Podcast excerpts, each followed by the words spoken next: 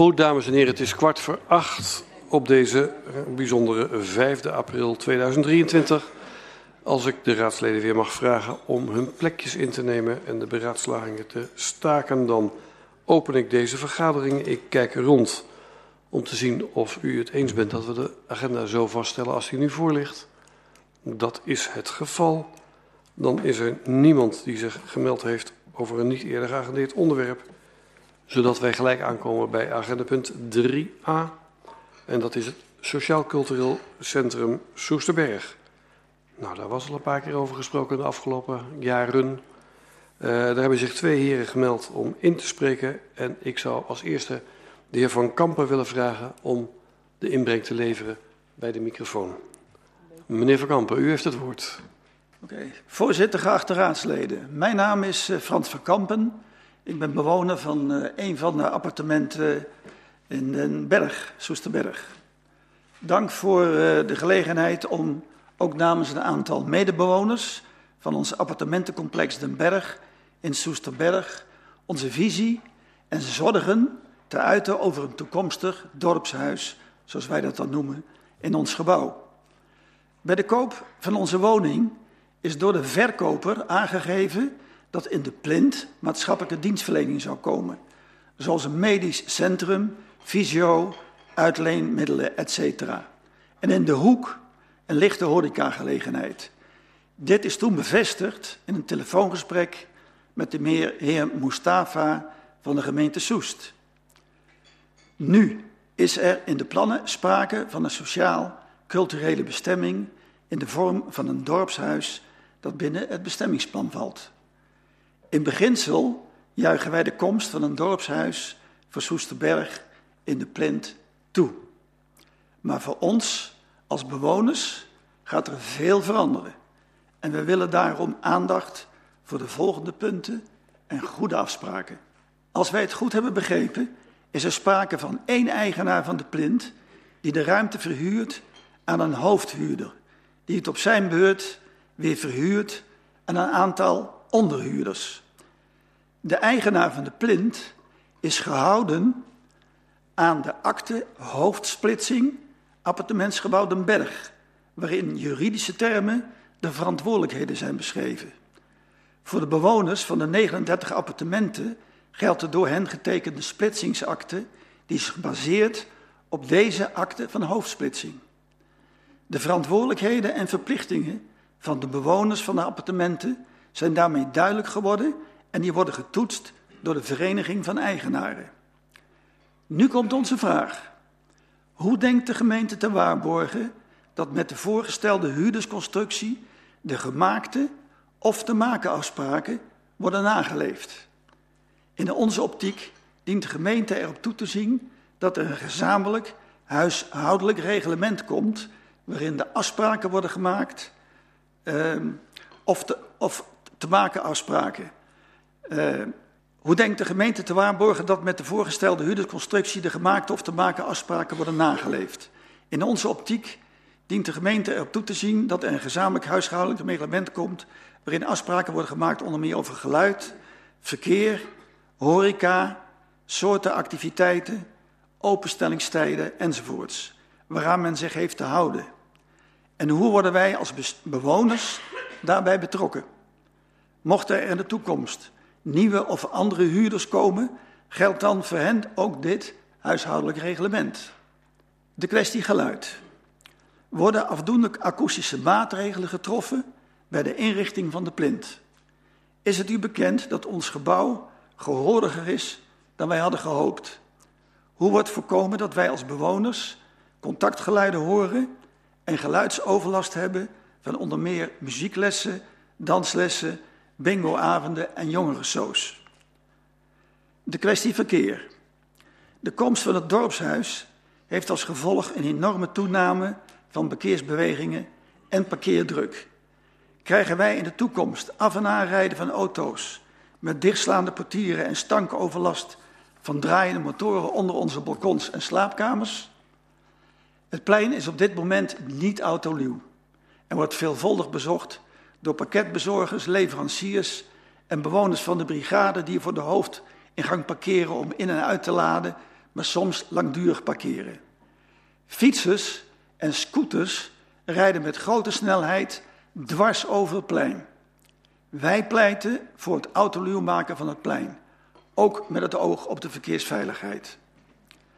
Wat betreft de parkeerdruk leert de huidige situatie dat in de directe omgeving van ons gebouw de parkeerplakken eh, veelal zijn bezet door bewoners van de berg en de brigade. Bezoekers van het dorpshuis die dichtbij willen parkeren, zullen gebruik gaan maken van de plekken waar nu bewoners staan. In de plannen zou rekening zijn gehouden met voldoende parkeerplekken, maar in onze optiek is dit een papieren werkelijkheid. Wij willen hier een oplossing voor. Dan nog iets over de openingstijden van het dorpshuis.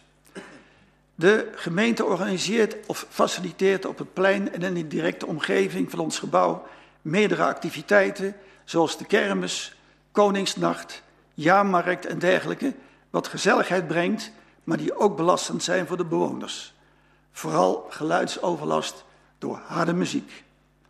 Wij vragen ons af of de gemeente Soest zich realiseert dat vooral ouderen in het complex Den Berg zijn gaan wonen om van een prettige oude dag te kunnen genieten. Wij hopen en verwachten dat de gemeente Soest bij de invulling van het plan Dorpshuis met respect alles in het werk stelt om ons woongenot te beschermen. Wij zien in het activiteitenplan van de deelnemende organisaties op meerdere avonden sluitingstijden van 11 uur s avonds. Voor ons is dat niet acceptabel. Wij willen een begrenzing van uiterlijk 10 uur. Tot besluit. Zoals wij al aangaven, staan wij in beginsel positief ten aanzien van een dorpshuis in onze plint. Maar wij hopen en we verwachten wel dat u als raad onze aanbevelingen en punten van zorg in uw besluitvorming mee zult nemen. Ik dank u wel voor uw aandacht. Dank u wel, meneer Van Kampen. Blijft u nog even staan, want ik ja. ga kijken of er raadsleden nog vragen hebben, uh, toelichtende vragen hebben op uw inbreng. Ik kijk even rond. Nee, u was helemaal duidelijk. Ik dank u zeer. Dan kunt u weer uh, op de publieke tribune plaatsnemen. En dan ga ik nu kijken of de heer Blokland...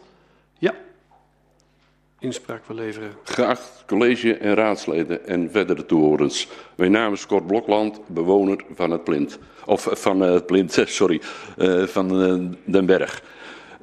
Ik wil even inhaken op wat de heer Van Kampen net gezegd heeft. Van wat mij betreft heeft hij dit ook niet in het juiste perspectief geplaatst. er wordt gesproken over een aantal bewoners. Meneer Van Kamp had het beter op uh, persoonlijke titel kunnen doen, want ik denk uh, het aantal wat hij aanhaalt, dat er dat twee of drie zijn. Uh, is het u bekend, heeft de vraag aan de gemeente geweest, is het u bekend dat ons gebouw gehoriger is dan gehoopt? daar moet ik tegen ingaan. Dat is mij totaal niet bekend. Het is niet gehoriger. Dus er is niets aan de hand. Alleen dat meneer Verkampen een persoonlijk conflict heeft met een van de buren, dat doet niet ter, ter zake. Uh, Zou dus, ik mogen vragen de publieke tribune om ook stil te zijn? Dank u wel. Gaat u verder, meneer uh, Blokland. Verkeer. Oké, okay, er is veelvuldig verkeer op uh, het plein. Nou, dat valt reuze mee. Oké, er worden dingen afgeleverd, uh, grote pakketten of zo. Mag dat bij de voordeur dat er een bestelauto even het parkeerterrein of uh, de, het terrein oprijdt? Uh, en zo heftig is dat niet. Tekort aan parkeerplaatsen. Vanmiddag, en dan praat ik over het terrein achter het, de berg. Er zijn twintig parkeerplaatsen, direct aan de gevel. Of bij, nabij de gevel. Ik heb dat vanmiddag geteld. En er zijn twintig parkeerplaatsen, waarvan twee invalide parkeerplaatsen. Maar er waren er nog acht vrij, dus dat valt mee. En vanavond om een uur of kwart voor zeven waren dat er nog een stuk of vijf die vrij waren. En er is volop parkeerruimte daar, dus dat hoeft geen probleem te zijn. Uh, evenementen zijn belastend voor bewoners. Uh, nou ja, ik spreek aardig wat bewoners. Uh, ik kom met veel mensen over de vloer. En ik heb daar totaal geen kritiek op gehad. Ja? Uh, het is alom bekend uh, nou ja, wat er ging gebeuren. In het gebouw, rondom het gebouw. En oké, nou ja, dat zijn gewoon normale dingen. Dus daar is niets verkeerds mee aan de hand.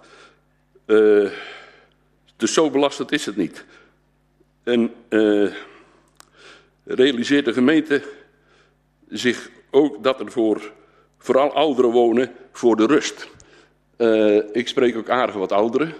Uh, zoals het nu is, oké, er is nu kermis. En ik heb er aardig wat gesproken.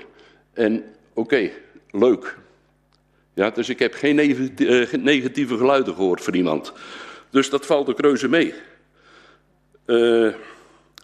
Dan, uh, 11 uur, is dat onacceptabel voor een cultureel centrum? Nou, naar mijn idee, als dat gewoon rustig verloopt en er zullen de uitbaters daarvan, die zullen er ook op toe moeten zien, ja, dat het niet te hard is. En dan is dat gewoon, ja, waarom niet? Laat het dorp leven. En uh, nou ja, dat zijn mijn op- en aanmerkingen als aanvulling daarop. En een heleboel mensen, ouderen, die juichen het echt toe. En zijn er erg positief over. En dat wilde ik gezegd hebben.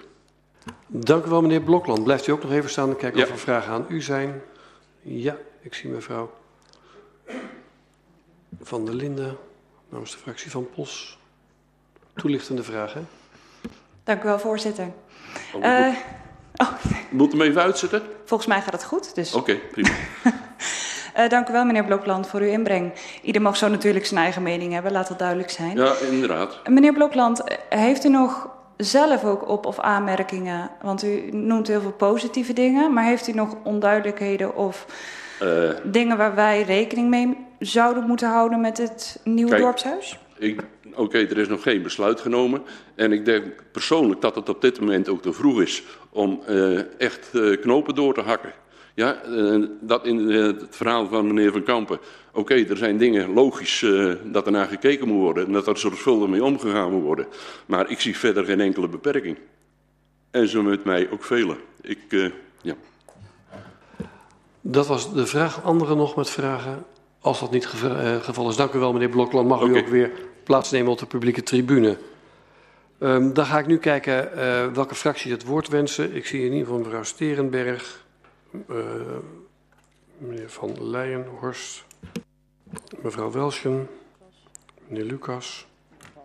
Sorry, en ik zie uh, mevrouw. Ja, natuurlijk. Mevrouw van der Linden. Ja, mevrouw Exalto. Ja, in één keer goed.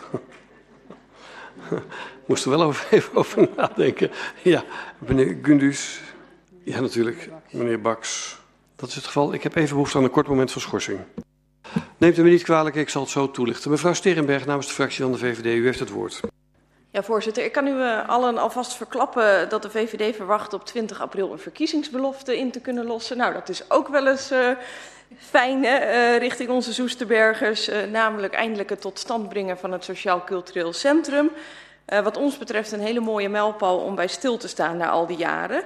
En ik wil ook uh, graag uh, alle bewoners van het gebouw complimenteren. Uh, ook, ik ben ook bij de bewonersavond geweest en ik vond het een hele mooie benadering van de ontwikkeling. En verandering is namelijk altijd spannend. daar horen ook zorgen bij. En uh, die zorgen zijn ook tijdens de bijeenkomsten geuit en ook vanavond. En uh, daar zijn natuurlijk ook tegengeluiden, maar er zijn altijd zorgen. Uh, en wij verwachten eigenlijk ook dat het college die zorgen grotendeels weg kan nemen. He, uh, bijvoorbeeld door bij de vervolgstappen te kijken hoe het woongenot van de bewoners het best beschermd kan worden. Een van de dingen is inderdaad die we ook in de plannen lezen, is dat er een akoestisch onderzoek uitgevoerd gaat worden. En dat we ook die maatregelen die daaruit voortkomen zullen uitvoeren. Uh, wij willen als VVD willen we het college wel vragen om ook rekening te houden met dat er natuurlijk een periode van verbouwen aankomt. Hè. Dus dat ook samen met de bewoners wordt gekeken hoe die verbouwing, want het gaat niet alleen tot wat uiteindelijk tot stand komt, maar ook hoe die periode gewoon in overleg met de bewoners zo soepel mogelijk kan verlopen, zodat ook iedereen echt enthousiast uh, bij de opening aanwezig is. Um, Gelukkig kunnen de bewoners en alle betrokkenen zelf ook die betrokkenheid blijven tonen, omdat ik heb begrepen dat er ook een klankbordgroep wordt uh, opengesteld. Dus ook hier kan uh, meegedacht gaan worden. Daarnaast vindt, hecht de VVD er waarde aan om ook echt als VVD een duidelijke verwachting uit te spreken dat er geen concurrerende horeca zal ontstaan met de horeca die reeds in Soesterberg gevestigd is. We gaan er dan ook echt van uit dat de horeca die uh, in het uh, sociaal-cultureel centrum komt, enkel ten dienste zal staan van de activiteiten in het centrum en geen concurrerende kroeg zal vormen, waardoor men voortaan uh, ja, de Soesterbergse horeca links laat liggen en een gesubsidieerd biertje van de gemeente kan komen drinken. En dat klinkt natuurlijk, gaat heel ver, maar het is gewoon niet aan de gemeente om dit te faciliteren. Mag ik dat zien als een vraag aan het college? Ja. De VVD is zich er wel van bewust dat hierdoor het plein zelf misschien niet hetgeen gaat brengen wat men had verwacht toen, hè, toen men er ging wonen, toen het plein ontwikkeld werd. Uh, want nou ja, een deel van de mensen had wel gehoopt op een beetje reuring op het plein. Uh, misschien een uh, warm kopje koffie, een ijsje of wat dan ook genuttigd kan worden. Daarom heeft de VVD een vraag aan het college of het mogelijk zou zijn om bijvoorbeeld door middel van een tijdelijke standplaatsvergunning een uh, foodtruck of iets dergelijks toe te staan, eigenlijk tijdens het buitenseizoen. Het is een prachtige plek in Zoesterberg. We hebben niet alleen de mensen die eromheen wonen, maar je hebt ook uh, de, de, nou ja, de vele toeristen die langskomen. Dat staat dan helemaal los van de gemeente, want wij verdienen er niet aan. Kan een Soesterbergse ondernemer doen. Uh, maar wij zijn benieuwd of die mogelijkheid er is. En stel je voor dat het bevalt, kunnen we daar misschien nog iets in voor de toekomst met het bestemmingsplan. Dan terug naar de plint zelf. Nou, iedere samenwerking vraagt ook om goede afspraken. En die afspraken, dat je die goed vastlegt, zijn er voor goede en slechte tijden. Want wat doe je bijvoorbeeld als een van de partners uitstapt? En welke uitwerking heeft de positie van de stichting ten opzichte van de samenwerking van alle partijen als één geheel? Daarom hebben we ook een vraag aan het college. Staat het college ervoor open om ervoor zorg te dragen dat we deze afspraken ook echt aan het papier toevertrouwen? Want we gaan als raad een hele flinke investering aan. Maar we vinden dat, we, ja, dat deze structuren nog niet altijd even duidelijk uh, zijn. Uh, hoe zit het met de exploitatie? Uh, het gaat niet alleen over het geld, maar bijvoorbeeld ook de samenspraak in wie bepaalt nou uiteindelijk het schema. Hè? Zijn het alle partners die, ehm, die inspraak hebben over de, over de activiteiten? Nou, daarnaast wil de raad ook niet graag verrast worden. Dus onze vraag is ook hoe kunnen wij een vinger aan de pols houden voor het geval het toch tegenvalt. Want we zijn toch een subsidierende partij. Nou, uh, verder valt het ons nog wel op dat er in de programmering uh, dat het heel erg op sociaal gericht is en nog wat minder op cultuur. Uh, dus wij hopen dat ook die bal bij de partners ligt en niet alleen bij de bewoners om dat aan te melden, maar dat de partners daar zelf ook naar gaan kijken. Nou, tot zover onze vragen. Dank u wel, mevrouw Sterenberg. U sprak namens de fractie van de VVD. Meneer Van Leijenhorst, u spreekt namens de fractie van Soes 2002. Ik heb net geschorst om even vast te stellen dat er geen sprake zou kunnen zijn van uh, de schijn van belangenverstrengelingen. Ik heb kunnen vaststellen dat meneer Van Leijenhorst al geruime tijd op grote afstand staat van een van de initiatiefnemers. Dus hij kan daarover het woord voeren. Meneer Van Leijenhorst, u mag uw inbreng leveren namens de fractie van Soes 2002. Voorzitter, dank u wel. Voorzitter, met een korte intro vooraf wil ik mijn bijdrage graag inleiden. Op 5 maart was er een boeiend onderwerp in het journaal over de stemming in de Verenigde Naties. Er werd gestemd over het verbeteren van de oceaanbodems met minimaal 30 procent. Daar was tien jaar aan gewerkt. Toen de president de uitslag bekend maakte, zei ze met ingetogen vreugde: Het schip heeft de kust bereikt. Voorzitter, dit is mij inziens ook van toepassing op de zoektocht naar een geschikte locatie voor het nieuw sociaal-cultureel centrum. Dat heeft ook tien jaar geduurd. Het schip is in 2012 vertrokken voor een moeizame vaart. Diverse havens werden onderweg aangedaan, zoals er waren de Basje het voormalige ijsbaanterrein, de Banningal, de Linde, het voormalig KVO-gebouw, de officierscasino en mogelijk nog wat andere bestemmingen. Met het voorliggende voorstel heeft ook dit schip mijn inziens de kust bereikt. Het mooie Den Bergplein. Met de invulling van de plint is het plein nu compleet. Het nieuwe centrum waar Soesterberg helaas langer op heeft moeten wachten en de bibliotheek worden weer herenigd op ons nieuwe dorpsplein. Dat was bij de start van het masterplan in 2010 toch ook zo bedoeld. Een levendig en nieuw dorpsplein in Soesterberg creëren. Dat laatste ontbreekt er nog steeds een beetje aan. De coronatijd heeft ons daarin ook niet meegezeten. Een beetje reuring, mevrouw uh, uh, uh, voorganger. Sterenberg bedoelt Sterenberg. Dat is ons ook opgevallen. En dat is op het plein ook meer dan welkom. Nou moet ik wel zeggen dat er deze dagen driftig aan gewerkt wordt. Dank u wel. Ja, luide reuring. Moest er ook knap het voor omrijden vandaag. Dank u wel, uh, meneer Van Leijenhorst uh, van Soes 2002. Mevrouw Welsjen, D66. Dank u wel. Nou, het lijkt erop dat wij vanavond champagne gaan drinken met de VVD, want ook de verkiezingsbelofte van D66 is hierbij uh, vo volbracht. We hebben twee technische vragen gesteld, financiële technische vragen. Eén over een mogelijk eerdere reservering, die is beantwoord. En de tweede ging over de uitnodiging aan de stichting Dorpshuis Soesterberg, waar ook nog financiën staan. We hebben begrepen dat er een uitnodiging is verstuurd. Onze vraag is wel even, wat is de status van de uitnodiging? Is die verstuurd en is er geen reactie gekomen of komt die nog? En mocht het eerst het geval zijn of het college proactief blijft om toch in gesprek te treden. Dank u wel. Dank u wel, mevrouw Welsje. U sprak namens de fractie van D66. Meneer Lucas, namens de fractie van het CDA.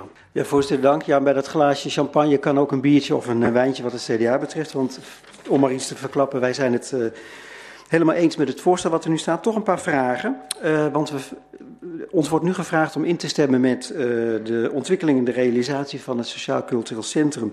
En om een krediet van bijna anderhalf miljoen uh, ter beschikking te stellen.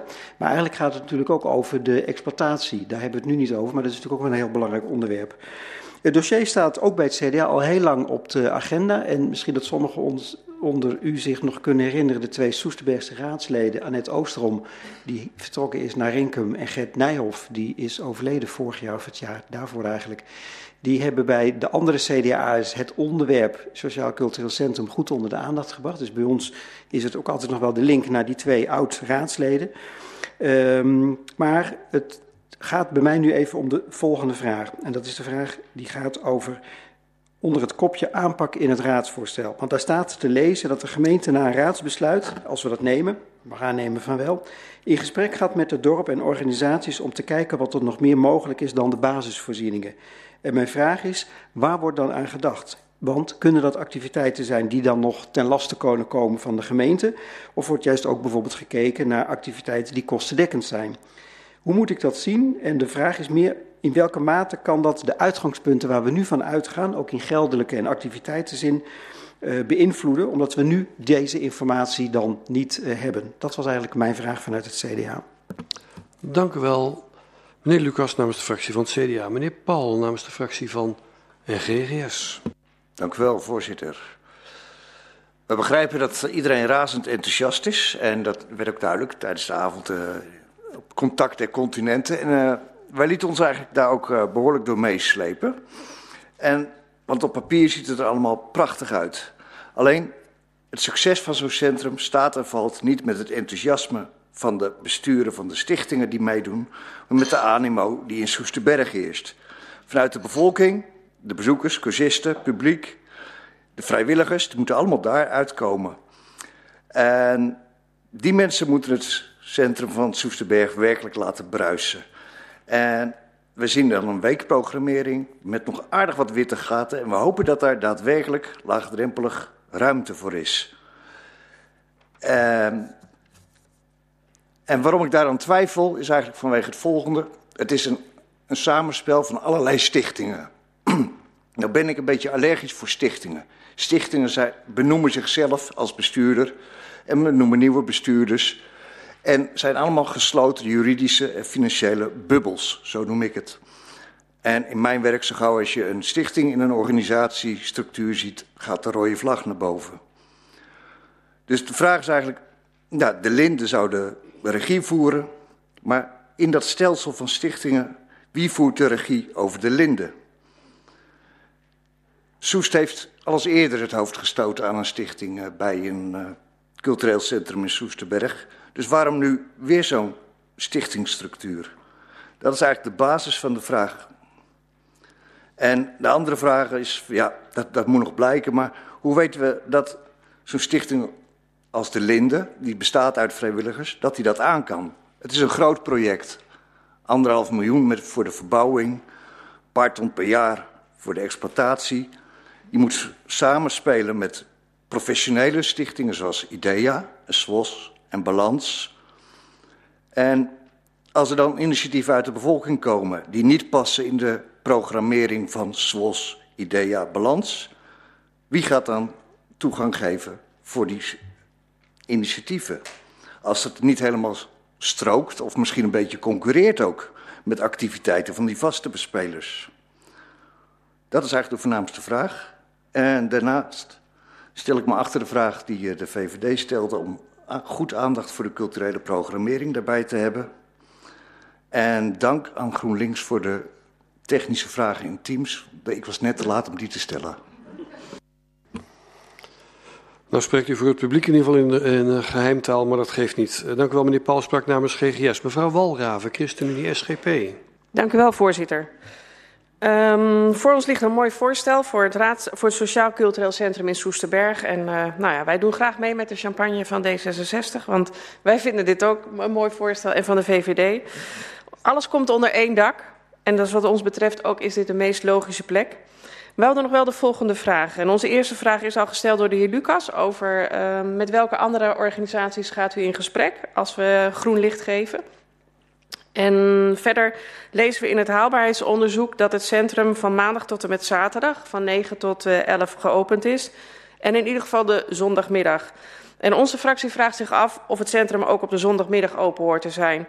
Voor de omwonenden kan het misschien ook fijn zijn als het centrum één dag dicht is. En laten we eerst proberen de andere dagen vol te krijgen. Dank u wel.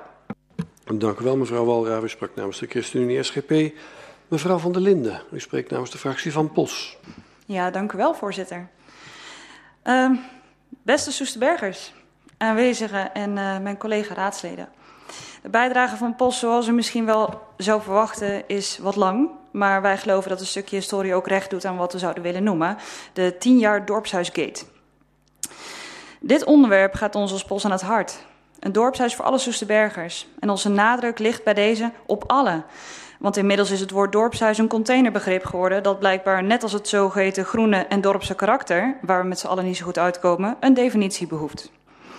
Na het sluiten van het dorpshuis, waar ontzettend veel over is gesproken, zijn de activiteiten die er waren voor ons de definitie van een dorpshuis. Een plekje voor een feestje als je 50 wordt, waar oma en opa een huwelijksjubileum vieren. Een plek voor biljartje, een kaartavond, een kledingruilbeurs, een biep, een knutselmiddag en een ruimte voor de plaatselijke muziekband en koor, of waar een 30-plus thema discoavond kan houden.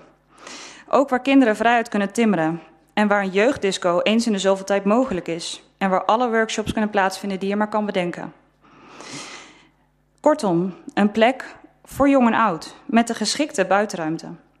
Het dorpshuis moest ongewild sluiten voor woningbouw op het dorpsplein. Een woningbouw was de sleutel voor een levendig dorp met behoud van winkels en maatschappelijke voorzieningen. Maar inmiddels is de praktijk dat de leegloop in de winkelstraat groot is en dat de levendigheid er niet meer is. En dat de meeste sociale activiteiten zijn doodgebloed. Koren vertrokken naar de kerk en activiteiten hebben zich verspreid.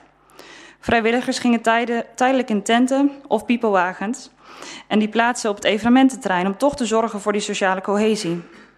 Alleen stonden de plannen voor woningbouw op het evenemententerrein al in de startblokken. Het werd daarmee onmogelijk gemaakt om nog eens te organiseren daar. De oplossing was de plek aan de Rademakerstraat en later de Linde op de huidige locatie naast de Carolenschool. Ondertussen werd er een traject gestart, de visie voor een sociaal-culturele voorziening in Soesterberg. Een traject waar alle verenigingen, scholen, vrijwilligersorganisaties, Balans, IDEA en ondernemers in vertegenwoordigd waren. Anderhalf jaar vergaderen, meetings, klankbordgroepen en excursies volgden. Tijdens de informatieavond in het KDK op 23 maart werd verwezen naar deze visie. Door een gebrek aan een business case strandde het plan voor een dorpshuis op het toenmalige evenemententerrein. Een plan waar de gemeenteraad destijds mee akkoord ging. Het alternatief werd dorpshuis de Linde. Een alternatief dat in de ogen van velen op voorhand al zo dreigde te mislukken. Het werd toch doorgezet en het resultaat is bekend. En tot dusver het stukje historie. De gemeente heeft de draad weer opgepakt, samen met Samen voor Soesterberg, IDEA, Balans, SWOS en Stichting De Linde. We gaan ze even af. Fijn dat IDEA meedoet met de bibliotheek en dat het kunsthuis kan blijven. Met het uitlenen van 25.000 boeken per jaar en alle creatieve activiteiten zou het niet meedoen van IDEA een gemis zijn voor Soesterberg. En Balans, de welzijnsorganisatie voor Soest en Soesterberg, vinden wij terug in het gebruiksschema voor het nieuwe dorpshuis. Ze zal aan de weg moeten timmeren. balans is onvoldoende zichtbaar in het dorp. De SWOS wordt de grootste onderhuurder voor het nieuwe dorpshuis. De activiteiten van de SWOS die worden gerund door de vrijwilligers en de leden van de SWOS. Die betalen per jaar een bedrag en betalen ook per activiteit een bijdrage. Volgens het indicatief gebruiksschema voor het nieuwe dorpshuis worden veel activiteiten door de SWOS opgezet. Te denken valt aan de herensoos, seniorenris, de bingo, schule, pannenkoeken, noem het maar op. POS heeft onderzoek gedaan onder de inwoners van de drie eiken. De uitkomst is schokkend. Uit gesprekken met betrokkenen uit de drie eiken komt naar voren dat van de tien activiteiten georganiseerd in het ontmoetingscentrum er negen niet mee willen gaan naar de plint. Tevens geven onze enquête 66 van de 67 ondervragen aan af te zullen haken als de activiteiten definitief zullen verplaatsen naar de plint. Daarnaast zijn bewoners niet vooraf meegenomen in het onderzoek en is de beslissing voor hun genomen. Bewoners uiten ook hun zorgen over de bereikbaarheid, aangezien veel mensen slechter been zijn. Vereenzaming ligt op de loer. Actieve ouderen die nu even naar beneden lopen en hun partner veilig boven laten, zijn nu gedwongen thuis te blijven. Dit zou ook betekenen dat de fundering voor de SWOS als een van de grootste aandeelhouders in het dorpshuis veel magerder uitkomt dan de gemeente of SWOS zelf misschien hebben ingeschat. We zijn benieuwd naar de reactie van het college op onze bevindingen.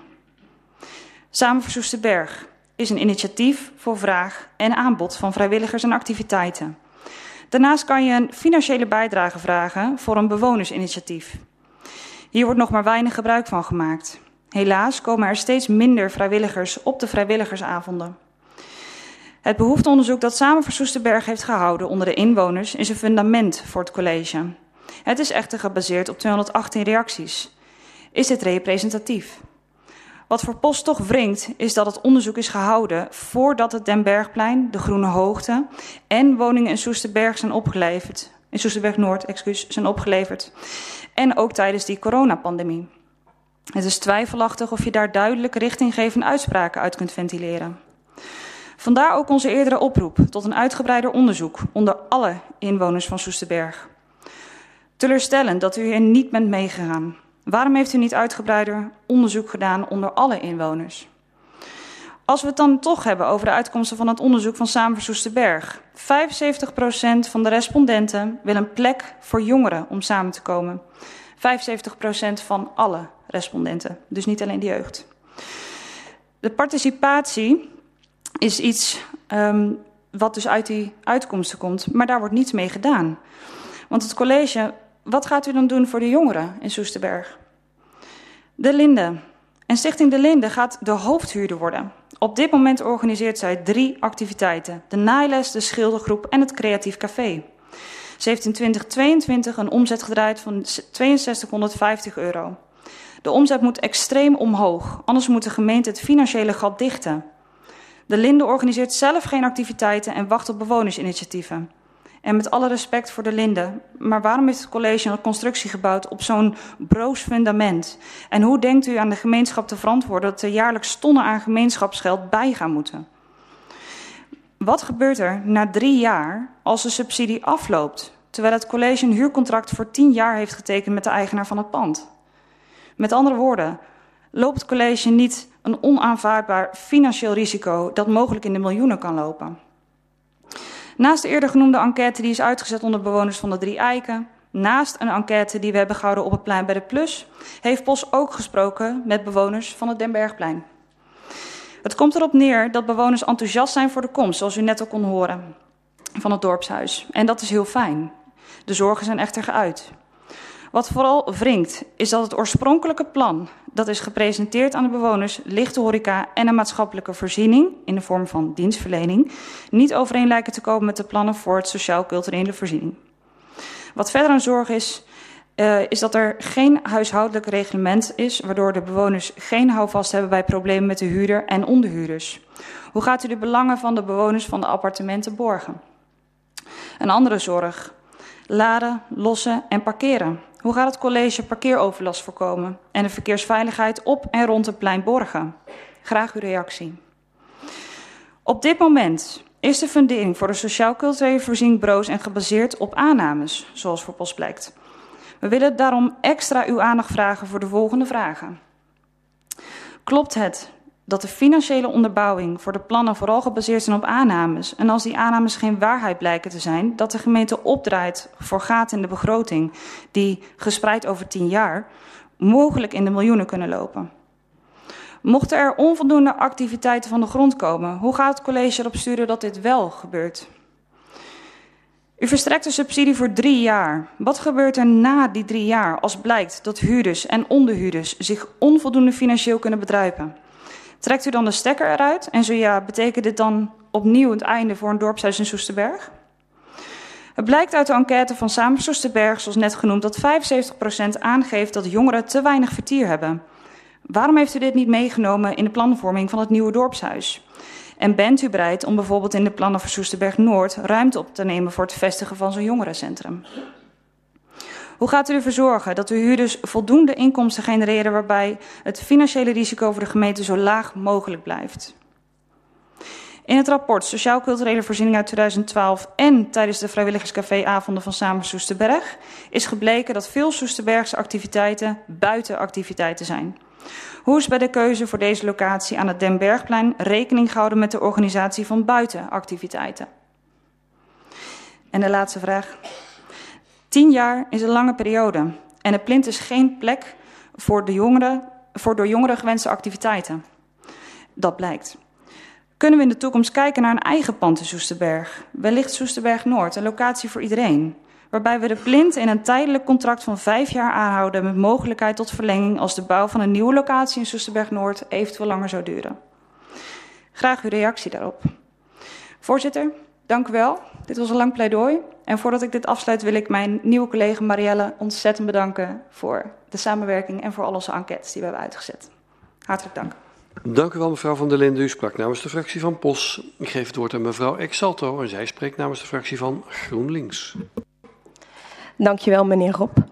Um, goedenavond, voorzitter, college en toehoorders. Na meer dan twaalf jaar heeft het dorpshuis in Soesterberg, die in 2010 haar deuren sloot, een opvolger. Het Sociaal Cultureel Centrum Soesterberg. Als GroenLinks steunen wij culturele en sociale initiatieven. Daarom zijn we blij dat er voor Soesterberg deze mogelijkheid er weer is. Wel hebben we nog een paar vragen waarin het college tussen de regels door advies kan horen. Als eerste een vraag over participatie. In het haalbaarheidsonderzoek staan, uh, staat, uh, staan uitspraken als dat er gekeken is naar de behoeftes en wensen van de inwoners van Soesterberg.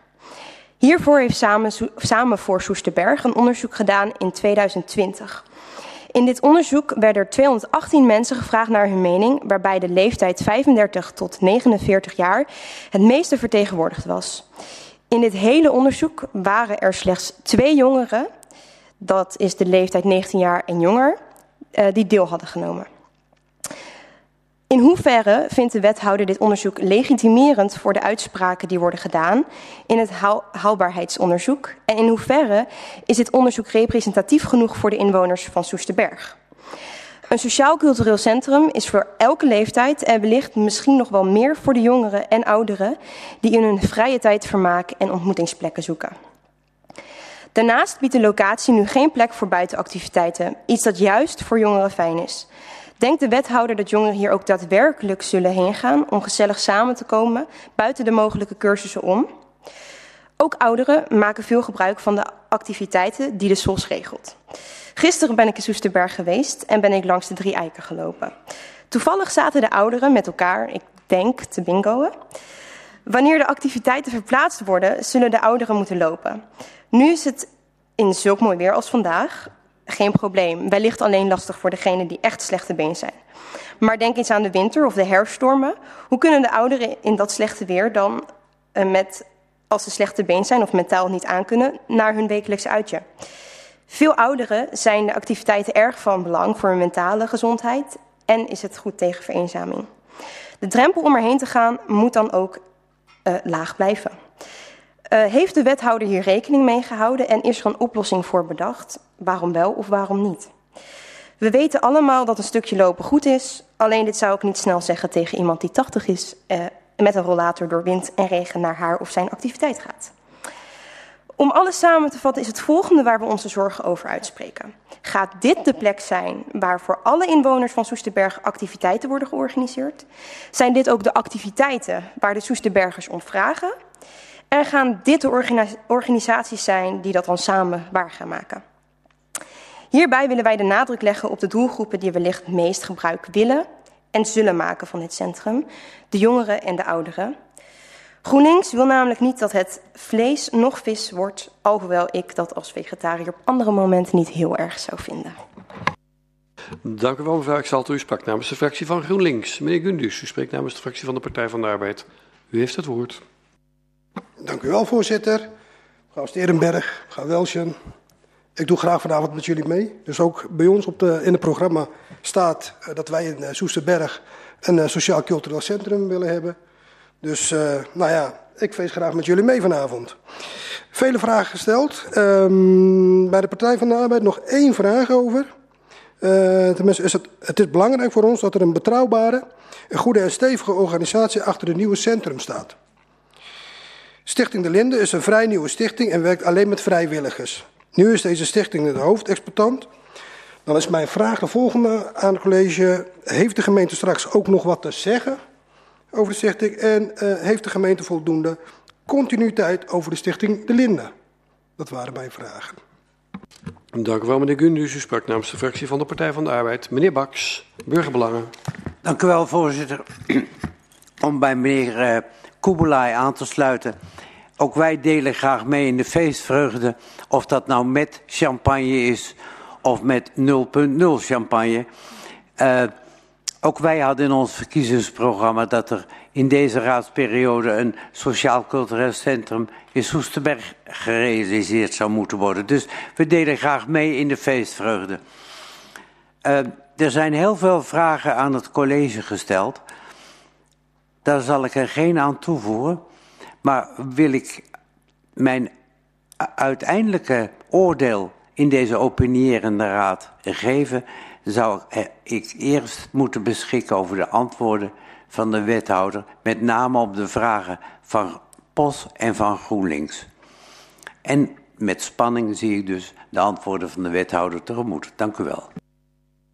Dank u wel. Meneer Bak sprak namens de fractie van Burgerbelangen. Heeft u behoefte aan een schorsing? Een korte schorsing eventjes voor de voorbereiding van deze keuraanvragen.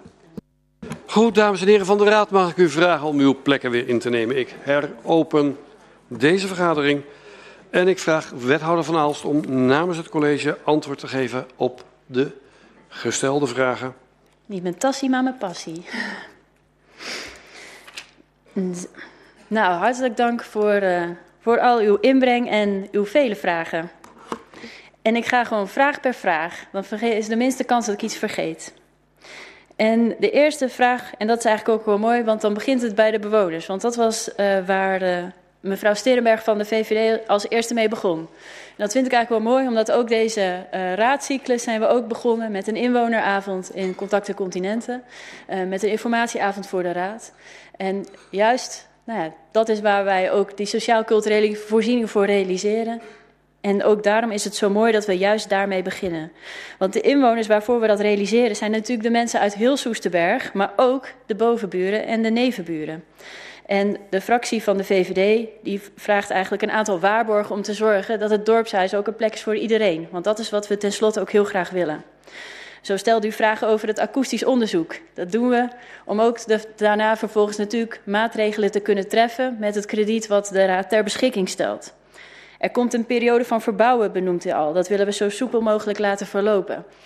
Uh, nou, dat geldt natuurlijk voor het verbouwen, maar ook zodra eenmaal de sociaal-culturele voorziening daar gevestigd is, zijn de partners, en dat hebben ze ook tijdens de informatieavond, zowel richting de bewoners als richting de raadsleden aangegeven, willen graag een goede buur zijn. En dat begint er al mee om ook met elkaar in contact te komen. En dat is ook de reden dat de projectgroep ook heeft uh, voorgesteld om een klankbordgroep te vormen. En het lijkt ons heel goed dat daar de bewoners uh, ook in vertegenwoordigd zijn. Na, naast natuurlijk ook gesprek met de VVE, wat er ook gevoerd kan worden. En het is wel zo natuurlijk dat waar reuring is, kan dat ook verschillend ervaren worden. Dat heeft u vanavond ook gehoord. Dat is ook allemaal heel wenselijk of heel menselijk. En dat geldt misschien ook voor de als het gaat om de horeca. Ook daarin vraagt, heeft u een vraag over van kunt u ervoor zorgen dat er geen concurrerende horeca ontstaat? Nou, u heeft het kunnen zien in het haalbaarheidsonderzoek, dat er expliciet ook is meegegeven, de horeca moet ondersteunend zijn. Uh, wij subsidiëren deze voorziening.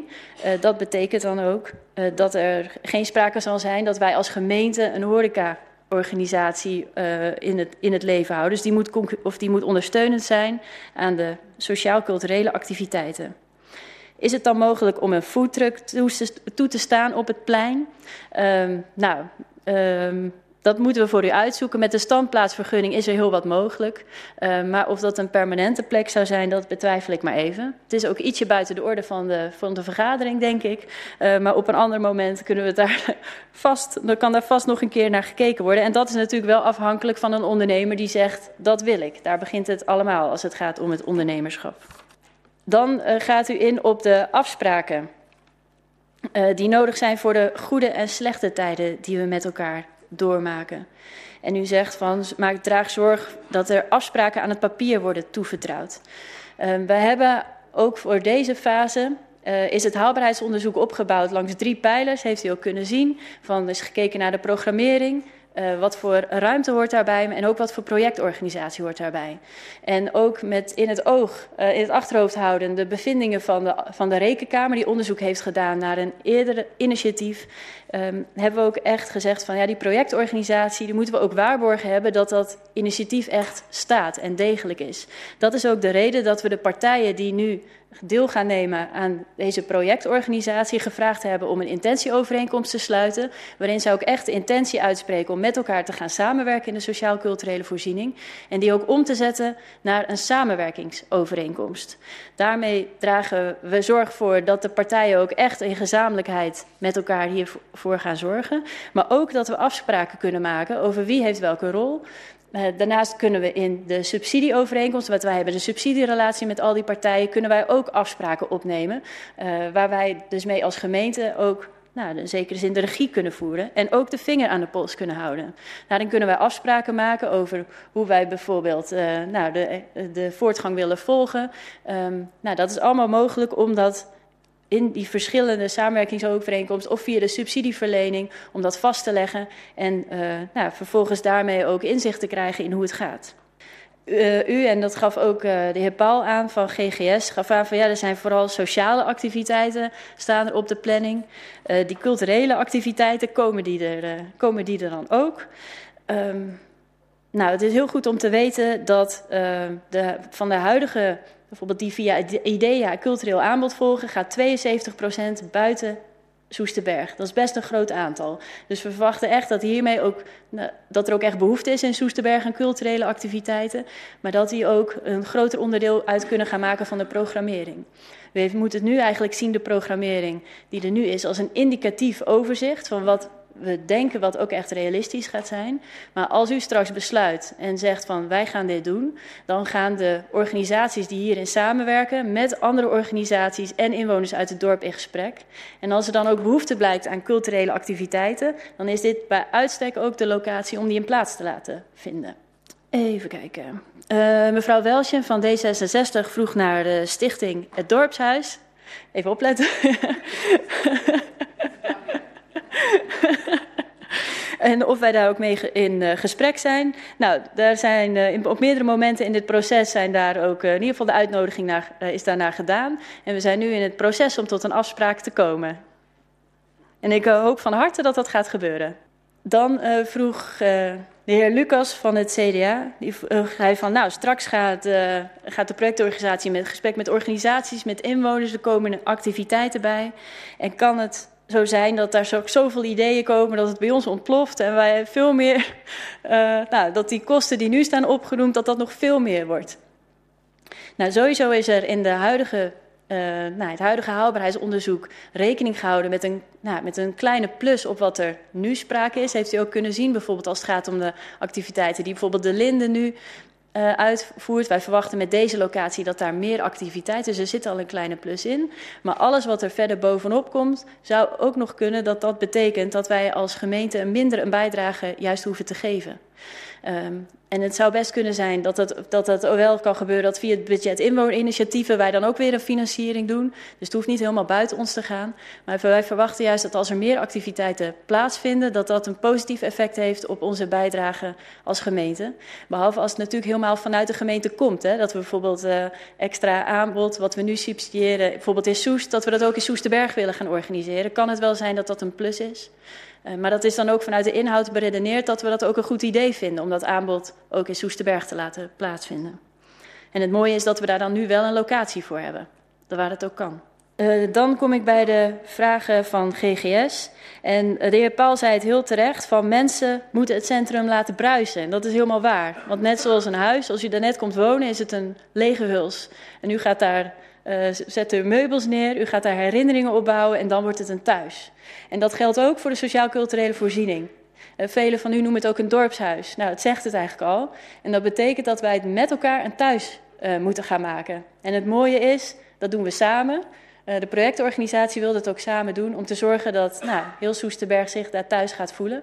Maar dat vraagt dus ook van ons dat wij daar een investering in doen. Dus, nou, zowel van u als raad als van de inwoners van Soesterberg die dat ook een thuis gaan maken. En u stelde een aantal vragen over de vorm van de stichting. Um, en daarbij wil ik allereerst zeggen dat wij heel blij zijn met uh, de actieve Soesterbergers die het dorp telt. Er zijn een aantal daarvan die nu deelnemen aan, de, aan deze projectorganisaties. Er zijn er gelukkig nog vele meer. Uh, maar het, is, mooie is aan Soesterberg, en dat geldt ook voor degenen die nu hier in deze stichting zitten, dat die echt het stapje extra willen doen voor het dorp. Dat die activiteiten willen organiseren. Uh, inderdaad, vooral vanuit vrijwilligerswerk, vanuit die vrijwilligersrol dat zij bereid zijn om daar de schouders onder te zetten voor hun dorp. En daar zijn wij heel blij mee. En wat ik net ook aangaf, als het gaat om de regievoering, we hebben natuurlijk een subsidierelatie. Ook met de Stichting De Linde. Uh, nou, daar kunnen wij invloed uh, op uitoefenen.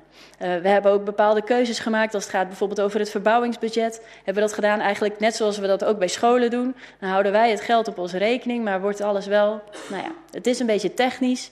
Um, daar sluiten we ook aan bij andere structuren die we al kennen. Die er ook voor zorgen dat er minder bureaucratisch gedoe is, maar ook minder risico's voor, voor iedereen. En waarom nu weer een stichting? Ja, de, de negatieve connotaties die u, u, heeft, die heb ik niet helemaal. Natuurlijk kennen we allemaal stichtingen waar het niet helemaal goed is gegaan. Maar dat hoeft nog niet per se te zeggen dat het bij alle stichtingen uh, niet goed is. Het gaat, komt, gaat er voor, komt er vooral eigenlijk op aan uh, dat wij in, met de besturingsmomenten die wij hebben, als het gaat dus om de subsidieverlening, als het gaat om de samenwerkingsovereenkomst, ook als het gaat, u zag dat in een kanttekening opgenomen in het raadsvoorstel, wellicht in de APV, dat wij een nadere concretisering kunnen aanmaken, dat wij die middelen goed gebruiken. En dan zie ik geen bezwaar dat, uh, nou, dat daar een aantal, want volgens mij is Balans ook een stichting, uh, er zijn wel meer stichtingen in dit gezelschap. Dan heeft, geeft u de vraag van ja, wie bepaalt de toegang tot activiteiten. Uh, wij hebben de partijen gevraagd, weer vanuit een van de lessen van de Rekenkamer, waar ik het ook net over had, om die intentieovereenkomst op te stellen. En daar vra uh, vragen wij ook van hen, van kom tot een samenwerkingsovereenkomst, waarin ook echt daar afspraken over worden gemaakt. Voor hoe gaan we dat in de praktijk doen? En wij hebben nadrukkelijk gevraagd om dat vanuit de gezamenlijkheid te doen, vanuit de verschillende organisaties. Juist omdat wij willen zorgen dat die verschillende organisaties allemaal hun eigen bijdrage kunnen leveren en ook dat het echt een samenwerkingsgedachte wordt. Weer vanuit het idee dat het echt een centrum is van het hele, het hele dorp. Dan uh, vroeg de ChristenUnie SGP vroeg van met welke andere organisaties gaat u in gesprek? Nou, wij hebben in ieder geval alle organisaties die ook in 2020 eigenlijk aan de wieg stonden van de nieuwe start, hebben wij weer uitgenodigd. Um, nou, ook die zullen, verwacht ik. En dat is straks ook in de handen natuurlijk van de projectorganisatie, die, daar vol enthousiasme mee aan de gang gaat, weer worden uitgenodigd. Maar er kunnen ook weer andere organisaties bij uit aansluiten. Want ik zei het al, Soesterberg kent een actief verenigingsleven. Dat is hartstikke mooi. En alle verenigingen, stichtingen, organisaties, vrijwilligers zijn uitgenodigd om dan ook aan te geven hoe zij ook uh, daar een bijdrage over aan zouden willen leveren of waarvoor zij de ruimte graag zouden willen gebruiken. Dus dat is eigenlijk niet limitatief, zou ik daarmee willen zeggen. Daarnaast gaf u aan van is een opening op zondag nodig? Nou, u heeft in de In het schema heeft u gezien dat ook op zondagmiddag dan voornemens is dat de bibliotheek open is, dat daar uh, ook een kopje koffie bij gedronken kan worden. En wat u ook moet weten is dat deze sociaal-culturele voorziening heeft ook echt een sociaal karakter. Wederom, we willen graag dat thuis bieden. Dus ook bijvoorbeeld voor mensen die op zondag niet een familie hebben om op bezoek te gaan of denken, hé, hey, ik heb al de hele dag niemand gesproken, ik wil, wel, wil dat wel graag, dat er ook voor hen op zondag een plek is om naartoe te gaan. Dus dat is ook vanuit de sociale overwegingen uh, dat we ook vinden dat zondag een hele geschikte dag is om ook open te gaan. Dan uh, kom ik bij de, de, vele vragen van POS, uh, waarbij u in begon eigenlijk met de schetsen van wat voor activiteiten nou, u eigenlijk allemaal kent van een dorpshuis. En dat is leuk, want ik heb ook in aanloop hier naartoe vaak gedacht aan mijn eigen herinneringen met een dorpshuis. Zo hebben er volgens mij heel veel van u herinneringen aan een dorpshuis. Ze zullen allemaal ongeveer anders zijn. Dat is ook helemaal niet erg. Maar het kenmerk daaraan is dat het de plek is waar het dorp samenkomt. En dat is het belangrijke daaraan. U noemt ook een aantal activiteiten waarvan wij wel denken dat is uh, dat zijn geen sociaal-culturele activiteiten. Als het echt gaat om het organiseren van een feest, dan zouden wij dat de horeca niet willen ontnemen. Uh, dat dat uh, gewoon in een horecagelegenheid in uh, Soesterberg plaatsvindt. Als het gaat, daar, daarentegen noemt hij ook van nou, een, jong, een, een jongere disco, hoe noemen we dat ook alweer? De jeugdsoos een keertje, hoe noemden we dat vroeger? Als daar inderdaad behoefte aan blijkt bij de, bij de tieners uit, uit Soesterberg, uh, dan hoeft u, moet u ook niet denken dat het vanaf nu af aan alles alleen maar op die locatie moet gebeuren. Dus uh, nou, ik had het voorbeeld eerder al genoemd. Misschien is het heel geschikt om daar wel een K3-disco te houden. Maar kan het ook eens een keer zijn dat de banninghal wordt gebruikt uh, met een disco-lichten om daar juist te doen. Dus niet alle sociaal-culturele activiteiten hoeven straks daar te gebeuren. Maar we zien wel heel veel mogelijkheden voor activiteiten die, die al plaatsvinden in het dorp of die nog nou, ergens borrelen in hoofd, om die juist wel in de sociaal-culturele voorziening uh, plaats te laten vinden. Uh, dan ging u uh, in op een aantal dingen en dat gaat bijvoorbeeld over de bewoners van de Drie Eiken. En daarvoor geldt inderdaad dat ik me kan voorstellen dat zij wonen daar, zij hebben daar beneden nou, de ontmoetingsruimte en voor hen is dat nogal een verandering dat dat zou wegvallen. Dat kunnen we ons allemaal voorstellen dat dat even, dat dat even schakelen is. Nou, in de ontmoetingsruimte onder de drie eiken worden inderdaad al veel activiteiten georganiseerd. En het is daarbij wel goed om te weten dat van de activiteiten die door de SWOS in Soesterberg georganiseerd worden, dat daar ook ongeveer 70% van buiten de drie eiken komt. En ook als het gaat om de sociaal-culturele voorziening, um, is dat uh, niet het idee dat dat de ontmoetingsruimte van alleen de drie eiken is. De bewoners van de drie eiken zijn daar net zo welkom als ook alle andere inwoners uh, van Soesterberg. Dus, dus met nadruk een plek voor, uh, voor heel Soesterberg. En uh, nou, mevrouw Exalto zei al dat we inderdaad ons er niet vanaf mogen maken van een beetje beweging is goed voor u. Dat is natuurlijk waar, ook nog, ook nog op leeftijd. En tijdens het afgelopen meedenkdiner in de Drie Eiken hebben we een aantal bewoners ook ontmoet die juist uh, erg van het sporten houden. Maar dat is inderdaad niet voor iedereen weggelegd. En daarom is de SWOS ook al aan het kijken van hoe kunnen we nou zorgen dat mensen die echt niet goed ermee zijn en daar zo graag wel naartoe willen, dat we die kunnen ondersteunen om daar wel te komen. En daar verwachten we dat als we dat met elkaar willen, dan zijn er ook oplossingen voor. Uh, dan gaat u in op de betrokkenheid van inwoners. Um, u gaat in op de uh, vragenlijst die met de studenten van het MBO Amersfoort uh, zijn verspreid vanuit Samen voor Soesterberg. En u vraagt waarom niet alle Soesterbergers? Nou, wij vonden het een heel mooi initiatief van uh, Samen voor Soesterberg om nou, die vragen uit te zetten en een peiling te doen. En natuurlijk elk moment, elke steekproef kent zijn beperkingen. Maar het is wel zo, als we het optellen, uh, de werkzaamheden die in 2011 zijn gedaan, de vragenlijsten die in 2021 zijn uitgezet, het gesprekken dat we met de maatschappelijke organisaties hebben gehad, alle losse gesprekken die we natuurlijk allemaal hebben gehad met inwoners, die ook vanuit de partners zijn gedaan met de achterban, is het, is het ook de vraag hoe vaak moeten inwoners het ons nog zeggen dat ze graag een ontmoetingsplek willen in het dorp Soesterberg. Dat wil, dat wil ik u toch ook wel meegeven. Dat is al nou, toch al tien jaar blijft die behoefte bestaan. En ook van ons als gemeente mag ook wel verwacht worden dat wij onze verantwoordelijkheid nemen om een groeiend dorp, waar de voorzieningen ook juist die maatschappelijke voorzieningen soms ook wegvallen of nog dreigen weg te vallen, dat wij echt onze verantwoordelijkheid nemen en die sociaal-culturele voorzieningen gewoon gaan realiseren. Dus daar wil ik toch echt een appel op doen om daar ook uh, naar gehoor aan te geven uh, en dat ook te doen. En u vraagt ook van, wilt u dan ook wat gaan doen uh, voor jongeren? Nou, de sociaal-culturele voorziening is ook een hele goede plek voor jongeren. Uh, u noemde ook al de activiteiten van Balans, die daar bijvoorbeeld uh, huiswerkbegeleiding zouden kunnen doen. Ook heel geschikt voor, voor jongeren. Ze beginnen zelfs al heel vroeg met huiswerk tegenwoordig, weet ik uit eigen ervaring. Um, dus dat is een hele geschikte plek daarvoor. En daarnaast wil ik daar ook weer op wijzen van in de sociaal-culturele voorziening kan straks inderdaad ook dingen voor jongeren plaatsvinden. Maar het is ook niet de enige locatie waar dingen plaats kunnen vinden. We weten ook, misschien ook weer een beetje uit eigen herinnering, soms wil je juist ook een beetje afgezonderd zitten. Daarvoor zijn bijvoorbeeld initiatief met de cubes, dat er ook een plek is uh, waar uh, ja, waar jongeren onder elkaar kunnen hangen, waar juist niet de hele tijd de volwassenen om de, om de hoek staat uh, te kijken. Um, dus daar zijn ook andere plekken en mogelijk, mogelijkheden voor. Nou, ik heb al even het gehad ook over de projectorganisatie. En u verwijst naar de subsidie die afloopt.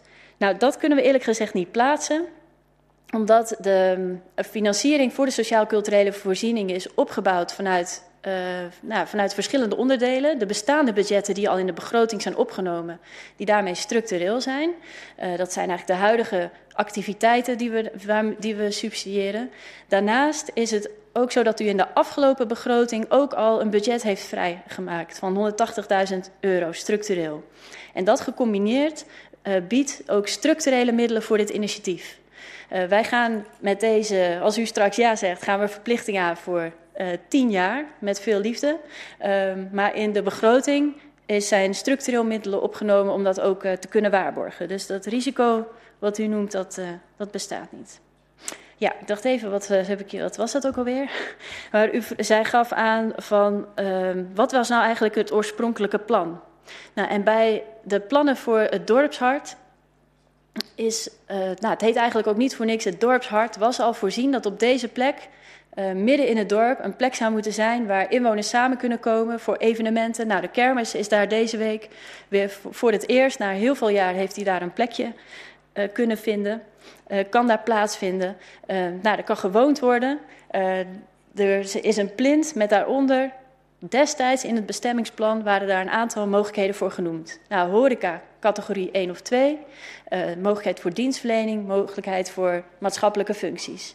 En op dat moment was nog niet precies duidelijk hoe dat ingevuld zou worden. Uh, want toen waren wij ook met onze activiteiten niet zo ver uh, dat dat al te zeggen was. Maar dat is de bestemming die er, die er lag. En dat waren ook de plannen die er lag. Maar de precieze invulling daarvan, die werd inderdaad nu pas duidelijk. Maar het had inderdaad dus ook andere mogelijkheden kunnen zijn. Het bestemmingsplan laat ook nou, wel commerciële horeca toe of uh, nou ja, van allerhande soorten andere functies. En u wijst ook op de belangen van de bewoners, dat we die goed moeten borgen. En dat uh, ben ik net eerder ook op al, in, al op ingegaan. Dat is belangrijk. Wij als gemeente willen onze verantwoordelijkheid nemen om te zorgen dat, uh, dat de locatie goed afgebouwd en ingericht kan worden. Dus dat het gewoon een, een degelijk, degelijke inrichting kent. Dus dat de voorwaarden op orde zijn. Um, nou, de projectorganisaties, de projectgroep, die willen ook heel nadrukkelijk ook de inwoners betrekken bij de verdere planvorming, om te zorgen dat zij echt een goede buur zijn. En ook heeft u kunnen zien in het haalbaarheidsonderzoek, volgens de APV, de Algemene Plaatselijke Vordering die u heeft voorgesteld, zouden openingstijden bijvoorbeeld langer, zouden veel langer kunnen zijn. Uh, maar die worden in het haalbaarheidsonderzoek worden die al uh, ingeperkt. Dus er is op allerlei manieren is er al in het plan uh, rekening gehouden met de bewoners, maar dat wil de projectorganisatie ook en wij natuurlijk ook graag blijven doen, want we zijn tenslotte allemaal buren van elkaar. Als het gaat om verkeer, parkeer uh, en parkeerborgen, um, dat stoelt allemaal op besluiten die ook in deze raad zijn genomen over bijvoorbeeld het parkeerbeleid. En wat is er nodig aan parkeerplaatsen voor bepaalde functies in um, ja, in, in plannen. En bij het vaststellen van het uh, bestemmingsplan voor uh, deze locatie heeft u dan ook uw parkeerbeleid getoetst. Uh, en nou dat is op deze locatie is dat allemaal conform het parkeerbeleid. En, uh, nou, dus het is inderdaad conform het beleid. En de praktijk zal natuurlijk uitwijzen. Ook daar weer uh, denk ik dat ik GroenLinks aan mijn zijde vind. Als we hopen dat veel mensen op de fiets komen. Uh, maar dat zal natuurlijk niet voor iedereen uh, te doen zijn. maar dat is ook het mooie van een dorp, dat het niet allemaal autoverkeer hoeft te zijn. Daarnaast geeft u aan van het is gebaseerd op aannames en daardoor op risico's. En heeft daardoor risico's. En voor een deel moet ik zeggen, u heeft helemaal gelijk. Want elk uh, plan kent risico's. En ook hier is het gebaseerd op aannames. Het zijn wel echt goed gefundeerde aannames. Vanwege het voorwerk wat gedaan is. Uh, nou, vanuit vele jaren kan ik eigenlijk ook wel zeggen. Vanuit de partners die nu al een activiteitenaanbod hebben in Soesterberg. Wat ze overbrengen. Waar zij ook soms mogelijkheden zien om het uh, uit te breiden. Dus het zijn wel heel goed gefundeerde aannames, waar ook niet alleen de partners zelf hebben aangegeven, maar waarbij we ook een bureau hebben aangesteld om daar hen ook in te begeleiden en ook te waarborgen dat het wel realistisch is. Maar risico's zijn er natuurlijk altijd, dat, is, uh, dat geldt voor alles in het leven. En daarom hebben we die ook opgenoemd uh, in het raadsvoorstel, een eerste overzicht van risico's. En ook in de verdere uitwerking denk ik dat we daar gewoon weer nou, wellicht kunnen aanvullen, weer kunnen bijstellen. Nou, voor een aantal andere vragen heb ik eigenlijk al aangegeven. Nou, dan de laatste vraag, die gaat over een uh, eigen pand uh, als het gaat om Soesterberg Noord. Nou, u heeft in de bijlage heeft u kunnen zien waar we naar gekeken hebben. En inderdaad, als we, als we lang zouden wachten, zou inderdaad in Soesterberg Noord ook een locatie beschikbaar kunnen komen. Er zijn echt een aantal belangrijke redenen waarom dat, ook als die wel beschikbaar komt, geen uh, nou, nog steeds niet uh, uh, vinkjes overal zou krijgen. De, de eerste reden is dat uw eigen accommodatiebeleid aangeeft dat wij als gemeente geen panden kopen of in ons eigendom hebben, maar dat wij daarin een teruggehouden rol hebben. Vandaar ook dat dit pand niet gekocht wordt, maar dat de partijen dat, dat gaan huren. Dat is conform ons accommodatiebeleid. daarnaast is het zo dat ook inwoners hebben aangegeven graag een centrale plek in het dorp te willen. En dat geldt voor Soesterberg Noord niet. En als we dan weer denken bijvoorbeeld aan de bewoners van de Drie Eiken, dan is dat toch wel een heel eind, heel veel, heel veel verder dan een, uh, een plek in ons dorpshart. Dus ook om die reden uh, verwachten wij dat die locatie uh, af zal blijven vallen. Even kijken, nou dan kom ik bij de vragen van GroenLinks. Um, nou, nu gevraagd geeft ook een aantal adviezen mee. Dus dat is mooi, die kunnen we in onze orenknoop ook voor het vervolgtraject, omdat u daar ook weer aandacht vraagt voor de positie van jongeren. Dus dat zie ik ook als een duidelijke uitnodiging, om ook in het vervolgtraject ook de jongeren ook echt te bevragen waar zij behoefte aan hebben. En als daar de locatie van sociaal-culturele voorziening dan ook geschikt voor is, hè, want zoals ik al aangaf, soms hoeft dat helemaal ook niet per se daar plaats te vinden, uh, dat wij daar dan ook zeker gehoor aan geven. Dus die gaat via mij ook naar de projectorganisatie. En dat geldt dus eigenlijk ook voor de buitenactiviteiten, hoeft niet per se uh, daar. En uh, nou, wat ik ook net al aangaf, u geeft elkaar van ja, bedenk daar nou een oplossing voor voor mensen die slecht ter been zijn. Nou, die suggestie nemen we ook graag mee, omdat het inderdaad juist als mensen slecht ter been zijn, kunnen ze juist zo behoefte hebben aan sociaal-culturele activiteiten, aan die ontmoeting. Um, dus ook dat is iets wat ook al bij de projectgroep echt op de radar staat. Om te kijken hoe kunnen we zorgen dat mensen die slecht been zijn... en of dat nou uit de Drie Eiken is of ergens anders is... Soesterberg blijft natuurlijk belangrijk dat ook zij uh, nou, mensen kunnen ontmoeten... en mee kunnen doen aan het uh, sociale leven. Even kijken. Nou, dan kom ik bij de vragen uh, van de PvdA, waar ik in, of ja, indirect eigenlijk al wel een beetje antwoord op geef. Want u geeft, vraagt ook aandacht voor de positie van de Stichting De Linde. Um, hebben wij er ook wat over te zeggen? Nou, daarbij wil ik eigenlijk herhalen wat ik eerst ook aangaf. We hebben nadrukkelijk de partij gevraagd om echt in gezamenlijkheid te komen tot een samenwerkingsovereenkomst. waarin zij nou, ook elkaars goede en sterke kanten benutten. Dus het is nadrukkelijk niet steunt het op één partij. Nee, het steunt op het collectief van partijen. En daarnaast is het zo dat wij uh, via die samenwerkingsovereenkomst, maar ook via uh, de subsidievoorwaarden ook echt uh, nou, eisen, kunnen stellen als het zo uitkomt, maar ook echt uh, invloed kunnen hebben. En die gaan we ook zeker uitoefenen. Nou, dan kom ik daarmee volgens mij aan het eind van de vragen. Dank u wel. Dank u wel, wethouder Van Aalst, voor deze uitbundige beantwoording van een grote reeks aan vragen. En ik ga inventariseren of er vanuit de Raad voor de tweede termijn behoefte is.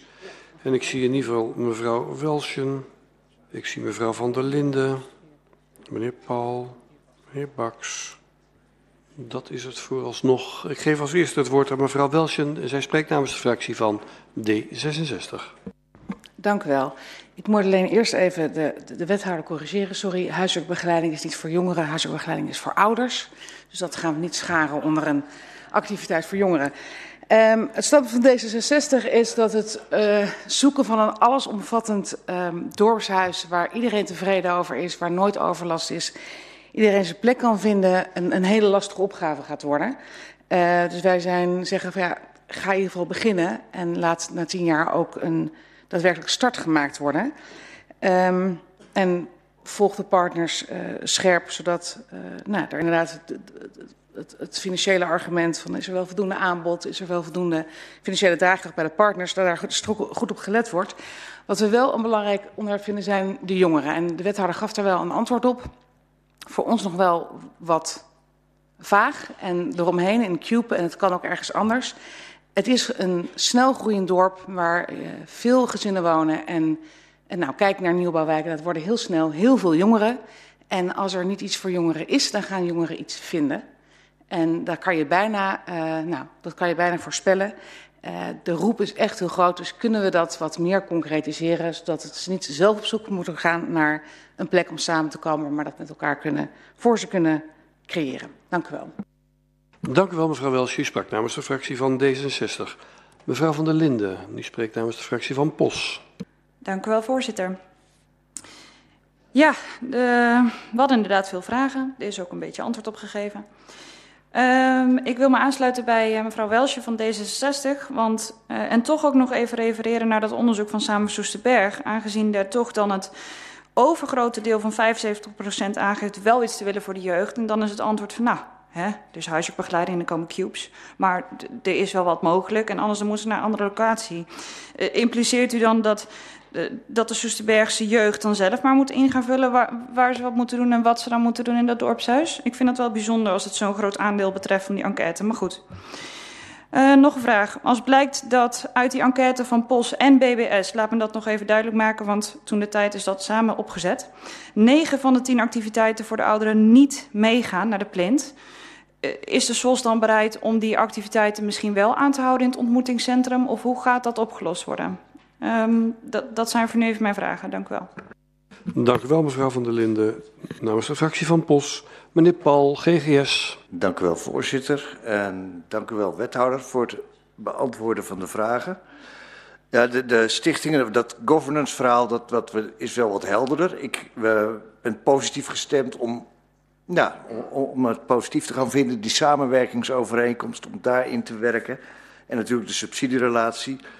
De vraag is dan, in die samenwerkingsovereenkomst wordt daarin ook opgenomen wat u zei over het verminderen van subsidie bij mindere activiteiten.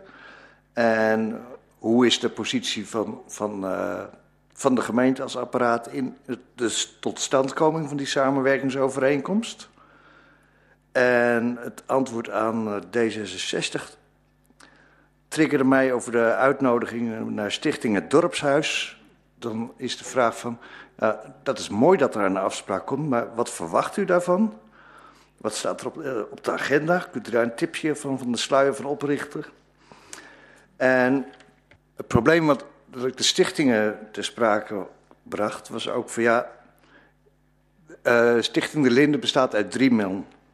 We hebben openingstijden door de week van 10 tot 11 uur s avonds en in het weekend nog.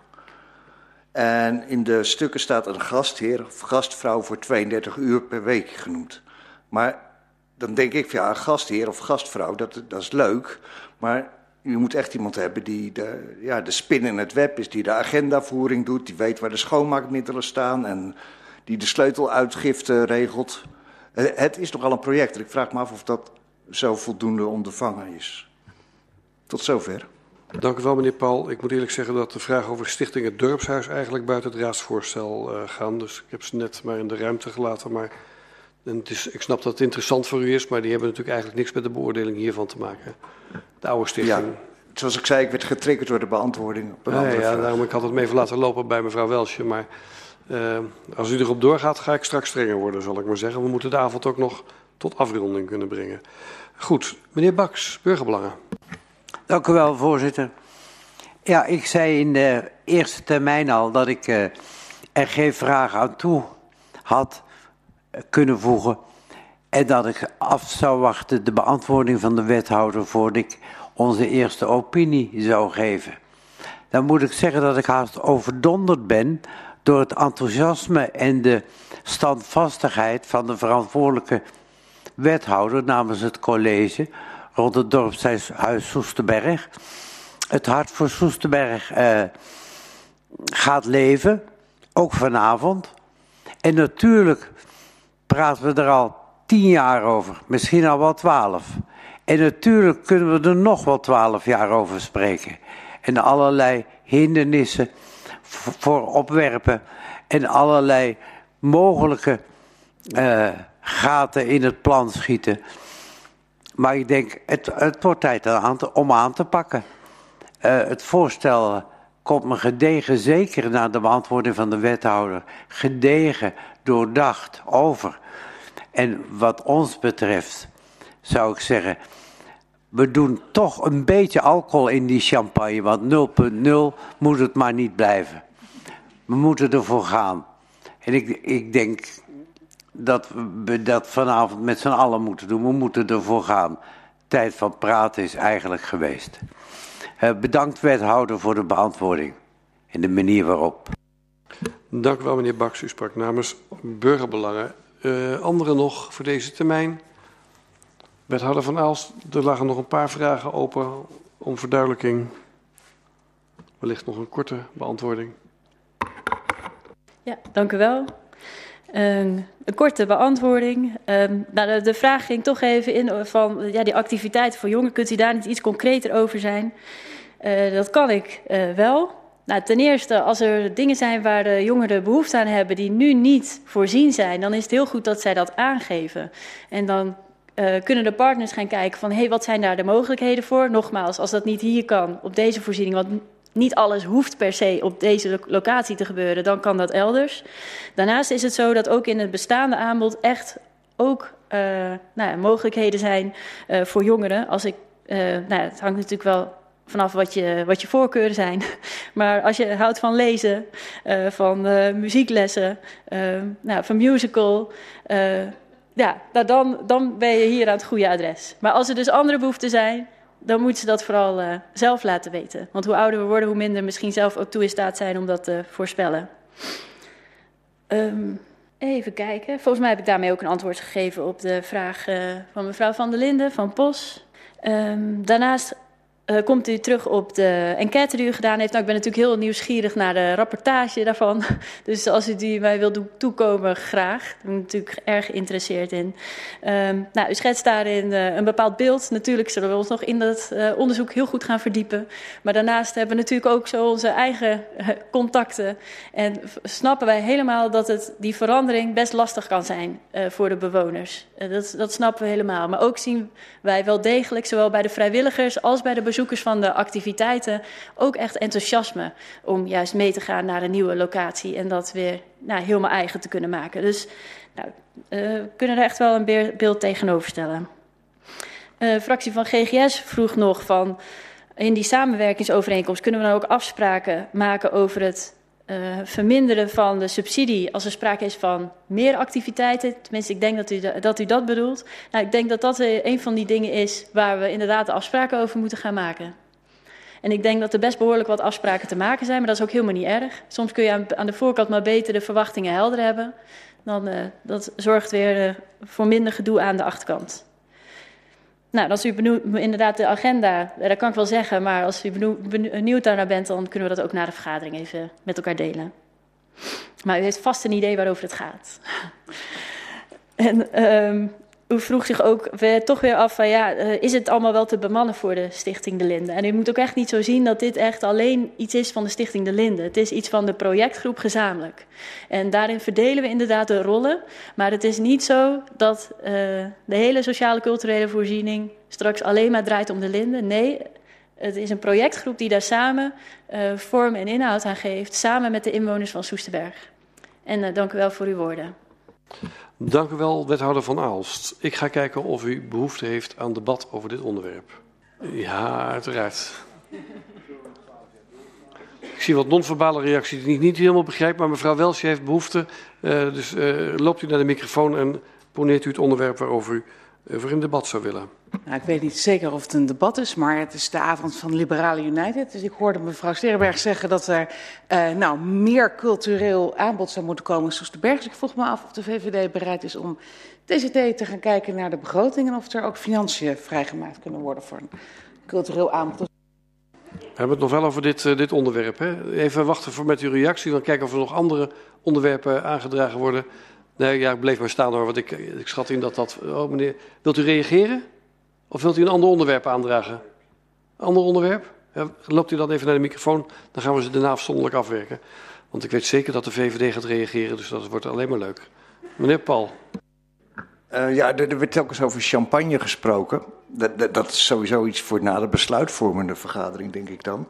Maar ik werd ook een beetje getriggerd door meneer, meneer Baks. Die zei van, ja, kunnen, moeten we nog twaalf jaar doorpraten of niet? Dus ik zei, zullen we hier maar gewoon een klap op geven? Wij zijn ervoor. Dat is niet direct een debatonderwerp, als weer meer een, een, een stellingname, denk ik. Uh, wie we klappen gaan geven en hoe.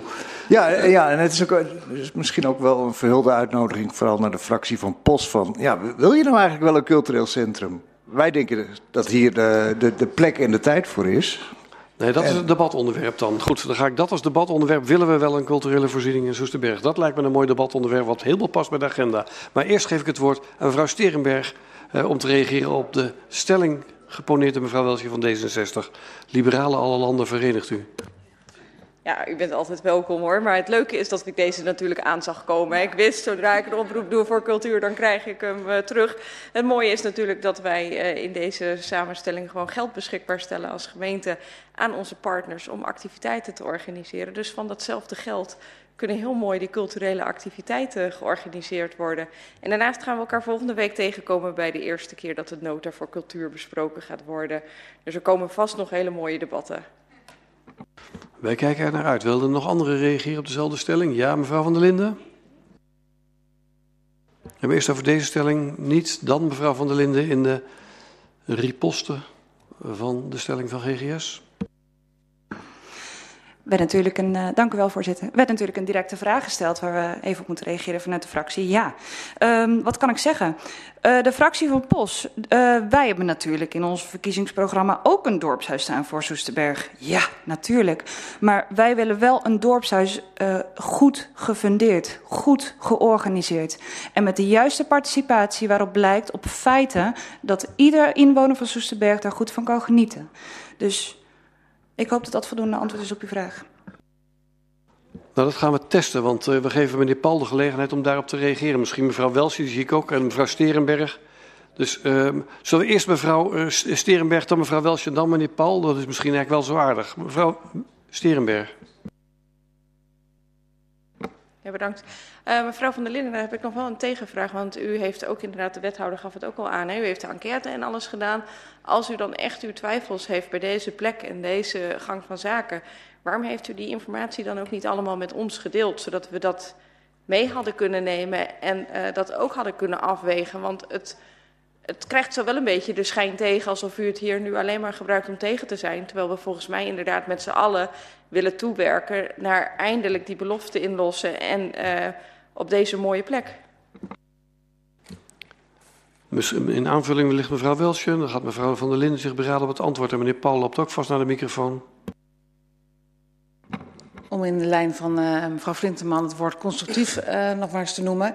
Wat is er voor POS nodig, structureel concreet? Dat maakt dat, uh, ervan uitgaande dat iedere inwoner van Soesterberg net zo min als iedere inwoner van Soest uh, helemaal zich zou kunnen vinden in een plek. Wat is er dan concreet nodig dat maakt dat het wel een start kan, zou kunnen vinden in de uh, overtuiging van POS? Ja, meneer Paul. Ja, ik stel voor dat we in plaats van Sociaal Cultureel Centrum de Plint, dat we de naam gewoon dorpshuis noemen. Ik denk dat daar alle problemen mee zijn opgelost. Nou, ik ga kijken. Dat is de suggestie die u doet aan de fractie van POS. En wat het cultureel budget betreft, dat gaat misschien per inwoner. Misschien kunnen we daar eens over hebben. Om dat uh, te verhogen. Want maar dat het is, is een ander onderwerp volgens mij. Dat is het onderwerp wat uh, mevrouw Welsje aandroeg. Ja, dat was, uh, Oh, je bent ook liberaal. Uh, als het zo uitkomt.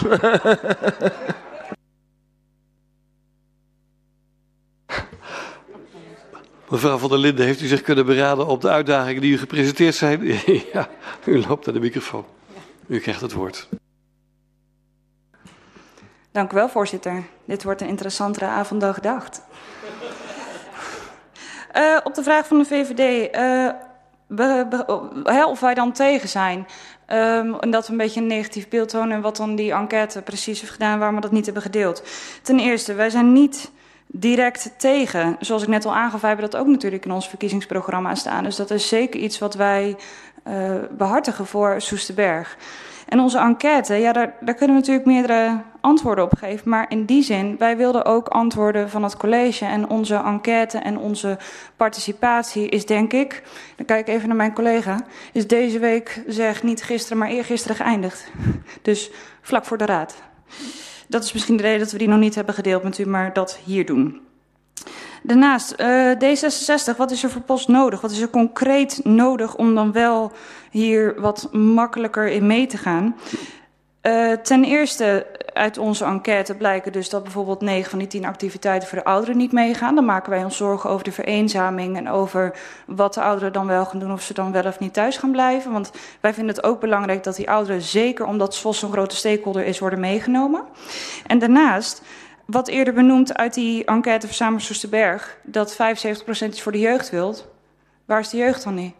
Huiswerkbegeleiding hoor ik net, cubes hoor ik net en ja, oké, okay, andere locaties. Wij zien dat graag concreter ingevuld. En dat missen wij nu wel. En daarnaast overwegen wij daarom ook een, uh, een motie om te kijken of het college iets kan doen voor de jongeren in Soesterberg. Voorzitter, bij interruptie. Ja, meneer Baks. Mevrouw van der Linden, mag ik u er dan op wijzen dat de jongeren niet bestaan?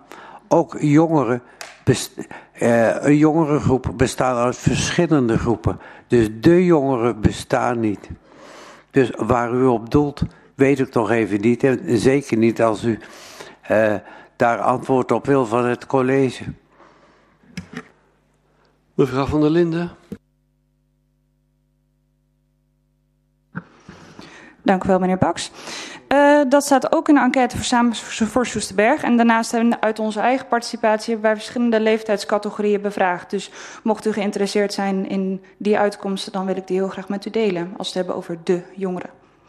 Nou, ik geloof dat dat ook de uitdaging was die mevrouw Sterenberg u bracht. Eh, als u de, als u de enquête heeft, wellicht de besluitvorming is pas de 20ste. Dus wellicht kunt u via de Griffie de uitkomsten van uw participatie delen met de gemeenteraad. Ja, zijn er nog andere onderwerpen? Zo niet, dan schors ik Oh, nog wel. Oh, meneer, sorry meneer Palk, had niet in de gaten. U was wel heel ver in mijn ooghoek. U heeft het woord.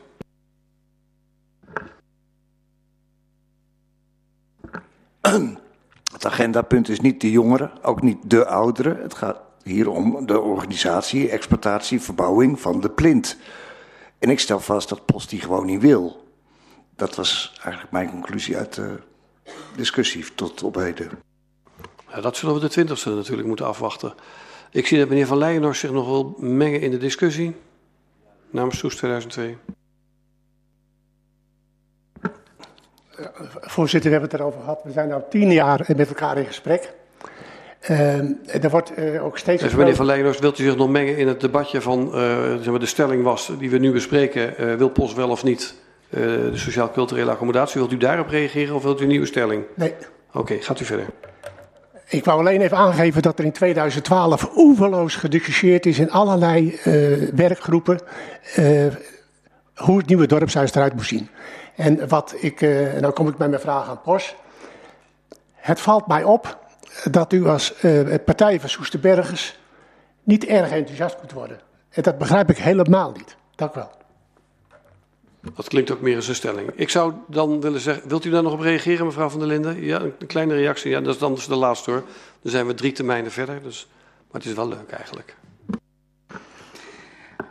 Dank u wel, voorzitter. De enige reactie die ik eigenlijk wil geven is dat wat ik noemde in mijn um, bijdrage um, met onze vragen, daarin noemden wij aannames. En ik zie dat mijn collega-raadsleden daar uh, nog meer aannames van maken, maar dan richting POS.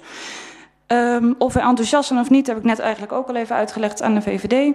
Wij willen heel graag een dorpshuis voor Soesterberg. We willen gewoon dat dat goed georganiseerd is en dat er met recente participatie, dat mensen gewoon zich hebben kunnen uiten en dat we weten waar we aan beginnen. En niet strakjes over drie jaar, vijf jaar of tien jaar zeggen van, ah, het is weer mislukt, gaat het dorpshuis weer weg.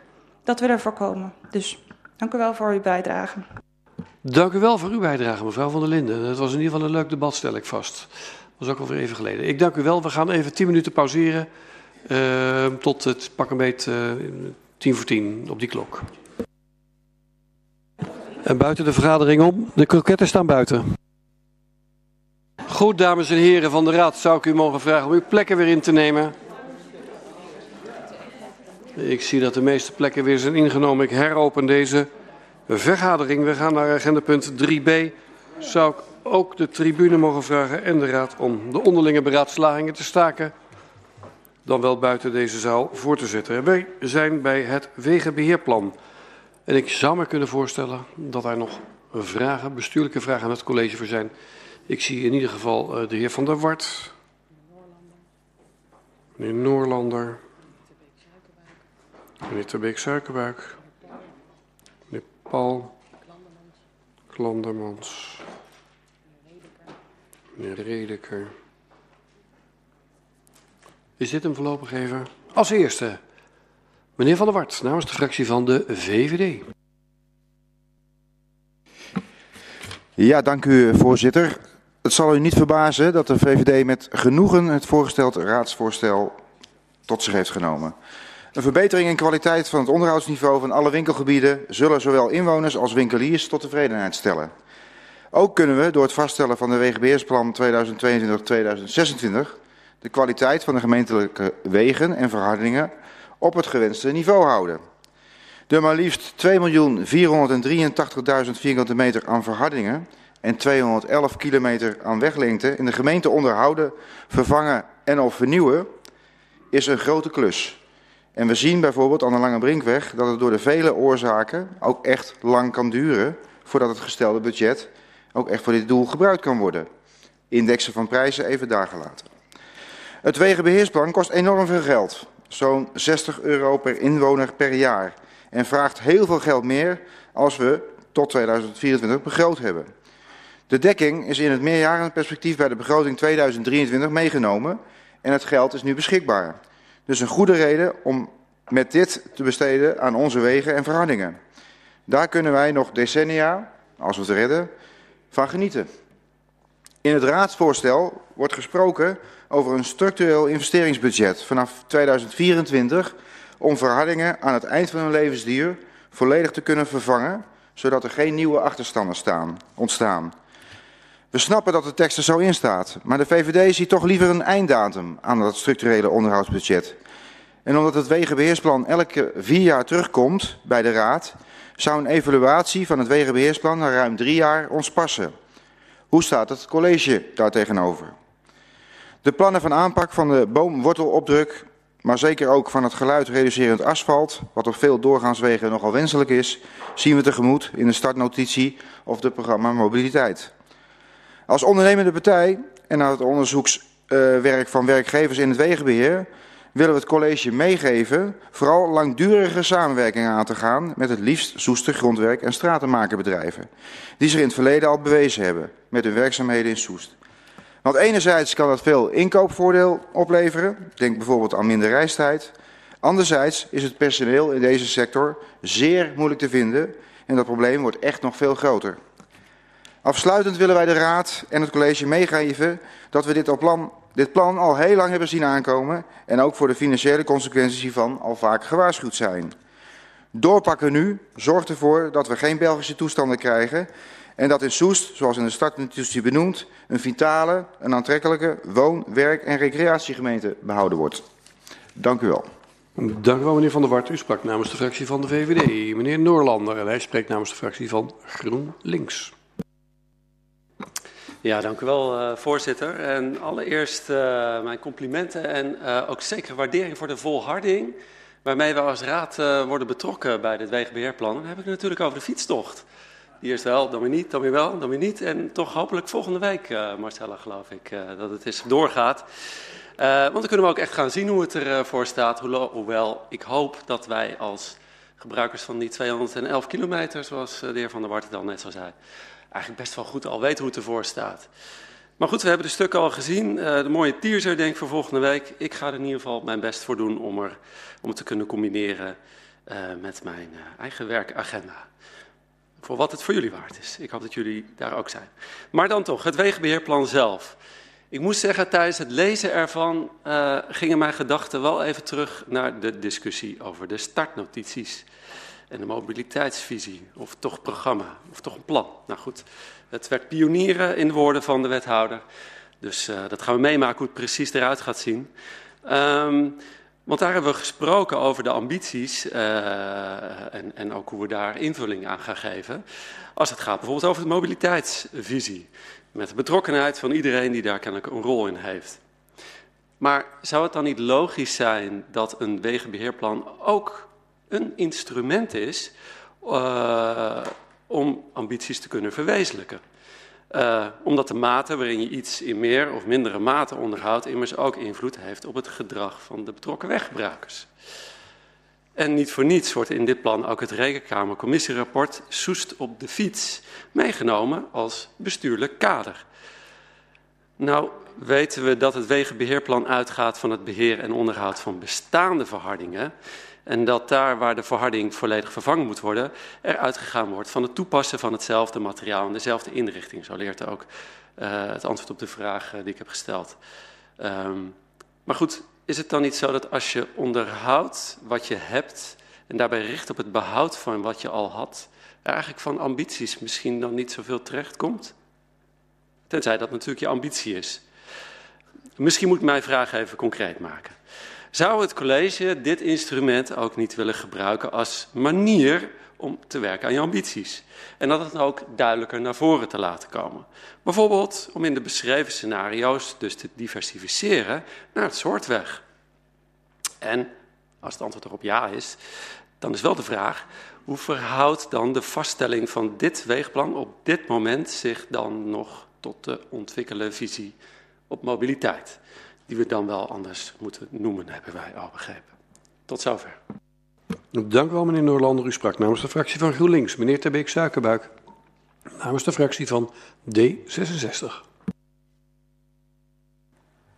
Voorzitter, dank u wel.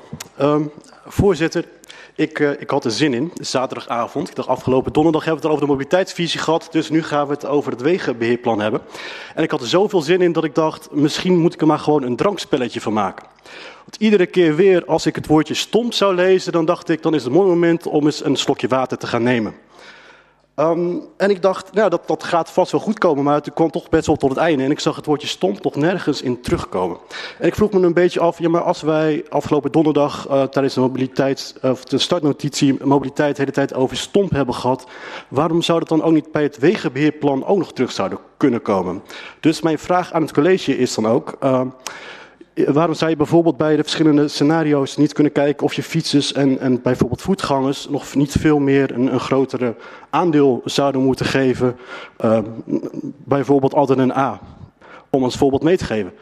Um, en het tweede punt, dat komt eigenlijk ook door de startnotitie van afgelopen donderdag. We hebben daar te horen gekregen dat we best wel wat problemen hebben qua uh, uh, de stations. dat, dat, nou ja, er gaan te weinig mensen met de trein.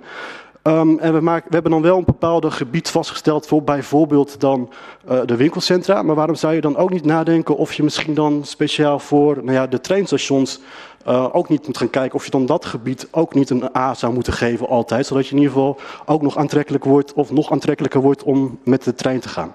Dat waren mijn twee vragen voor uh, het college. Dank u wel. Dank u wel, meneer Terbeek Suikerbuik namens de fractie van D66. Meneer Paul namens de fractie van GGS. Dank u wel. Het nieuwe wegenbeheersplan. Wanneer verwachting eind van dit jaar al het geplande onderhoud is uitgevoerd, is de onderhoudsachterstand van het totale wegareaal teruggebracht van 15 naar 5 procent. Dat is mooi. Chapeau aan alle stratenmakers en aan het college. Ook voor de verhelderende presentatie die we in de mail hebben kunnen ontvangen. Vooral de foto van de verschillende levensstadia van een straatklinker vond ik buitengewoon boeiend. En als er nu iets is waar de gemeente van is, is dat de staat van de wegen. Vorige week, de werd al gerefereerd, hebben we gehad over de startnotities en wat voor Soest we willen gaan zien. En we, ja, er vielen daarbij grote woorden. En leidend principe in die startnotities is die beroemde wedding cake met de VN-doelstellingen. En we kennen hier nou 2,5 miljoen vierkante meter aan verhardingen. Dat werk eraan, dat heeft gewoon gevolgen, het werd al gezegd, in het kader van de mobiliteit. Maar ook voor andere duurzaamheidsopgaven. En waarom zien we daar geen paragraaf over terug in het wegenbeheerplan? Uh, het levert sowieso ook een rol in de klimaatadaptatie en ook andere doelen van de, de zogenaamde werelddoelen van de VN. Veilige infrastructuur, leefbare, duurzame steden. En dat is geen beleid, maar juist in dat soort saaie, praktische plannen, als zo'n wegenbeheerplan, moet dat vorm krijgen. Hoe gaat u daarmee om? Dat is eigenlijk de vraag. En daarbij wilde ik voor nu laten. Dank u wel, meneer Paul. Sprak namens de fractie van GGS. Meneer Klandemans namens de fractie van Soest 2002. Dank u, voorzitter. Onze fractie heeft kennis genomen van het voorliggend Wegenbeheerplan 2022-2026. We kunnen zeggen, het ziet er gedegen uit. We zijn content met het feit dat de onderhoudsachterstand aan het eind van dit jaar vrijwel is weggewerkt. En dat het extra budget wat daarvoor beschikbaar is toereikend zal blijken te zijn. Maar mocht er wat overblijven, dat dit terugvloeit naar de algemene middelen. Om het onderhoudsniveau in de komende jaren op peil te houden, is extra budget nodig en de financiële consequentie daarvan zal worden betrokken bij de kadernota 2024, waarmee ook toekomstige vervangingsinvesteringen zullen zijn gedekt. Wij zijn van mening dat met dit plan balans ontstaat tussen de noodzakelijk uit te voeren werken en de financiële middelen. In het plan wordt voorgesteld om met uitzondering van de winkelcentra het kwaliteitsbeeld op niveau B te handhaven. Voor de winkelcentra wordt niveau A gehandhaafd en dat vinden wij een goede zaak. We hebben nog wel een tweetal vragen aan uw college. De eerste, hij is al vaker voorbijgekomen. De FC Kuiperstraat behoort naar onze mening tot het winkelgebied van de Van Wedenstraat. Er zijn daar ook winkels gevestigd en er zijn parkeerplaatsen die door winkelend publiek van de Van Wedenstraat worden gebruikt. Tot tweemaal toe zijn eerdere verzoeken om herinrichting afgewezen. Kunt u dit keer wel met een herinrichting instemmen? En dan de tweede, dat betreft Soesterberg. In Soesterberg gebeurt veel. Er wordt gebouwd of gerenoveerd en aansluitend worden wegen heringericht. Riolering wordt vervangen, asfaltverharding wordt verwijderd en er voor in de plaats komt elementverharding. Kunt u aangeven of hier sprake is van nieuw beleid en zo ja, geldt dit dan voor alle wegen in de wijken, uh, in de wijken ook in Soest? En blijven de wijkontsluitingswegen voorzien van asfalt? Overigens zijn wij wel content met deze ontwikkelingen, aangezien elementverharding visueel in de woonomgeving veel aantrekkelijker maakt. Ik dank u. Dank u wel, meneer Klandemans. U sprak namens de fractie van Soes 2002. Meneer Redeker, u heeft het woord namens de fractie van de Partij van de Arbeid. Ja, voorzitter, dank u wel. Um, dank ook voor de inbreng van meneer Klandemans. Maar ik heb meteen, u heeft in het vorige agendapunt heeft u het gehad met meneer um, met Martin zeg ik, sorry, met meneer Leijhorst over uh, uh, conflicterende belangen. Ik moet even wel melden, ik woon aan de SC Kuiperstraat. Maar ik meen dat daar in dit geval, omdat dit plan toch wat meer hoog over is, dat daar geen uh, sprake van conflicterende belangen is.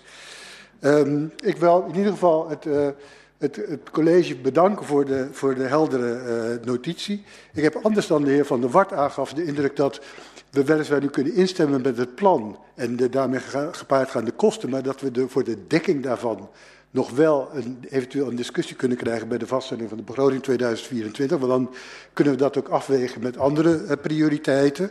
Dus uh, dat, te, tegen die achtergrond kijk ik ook naar de, kijken wij nu ook naar dit plan.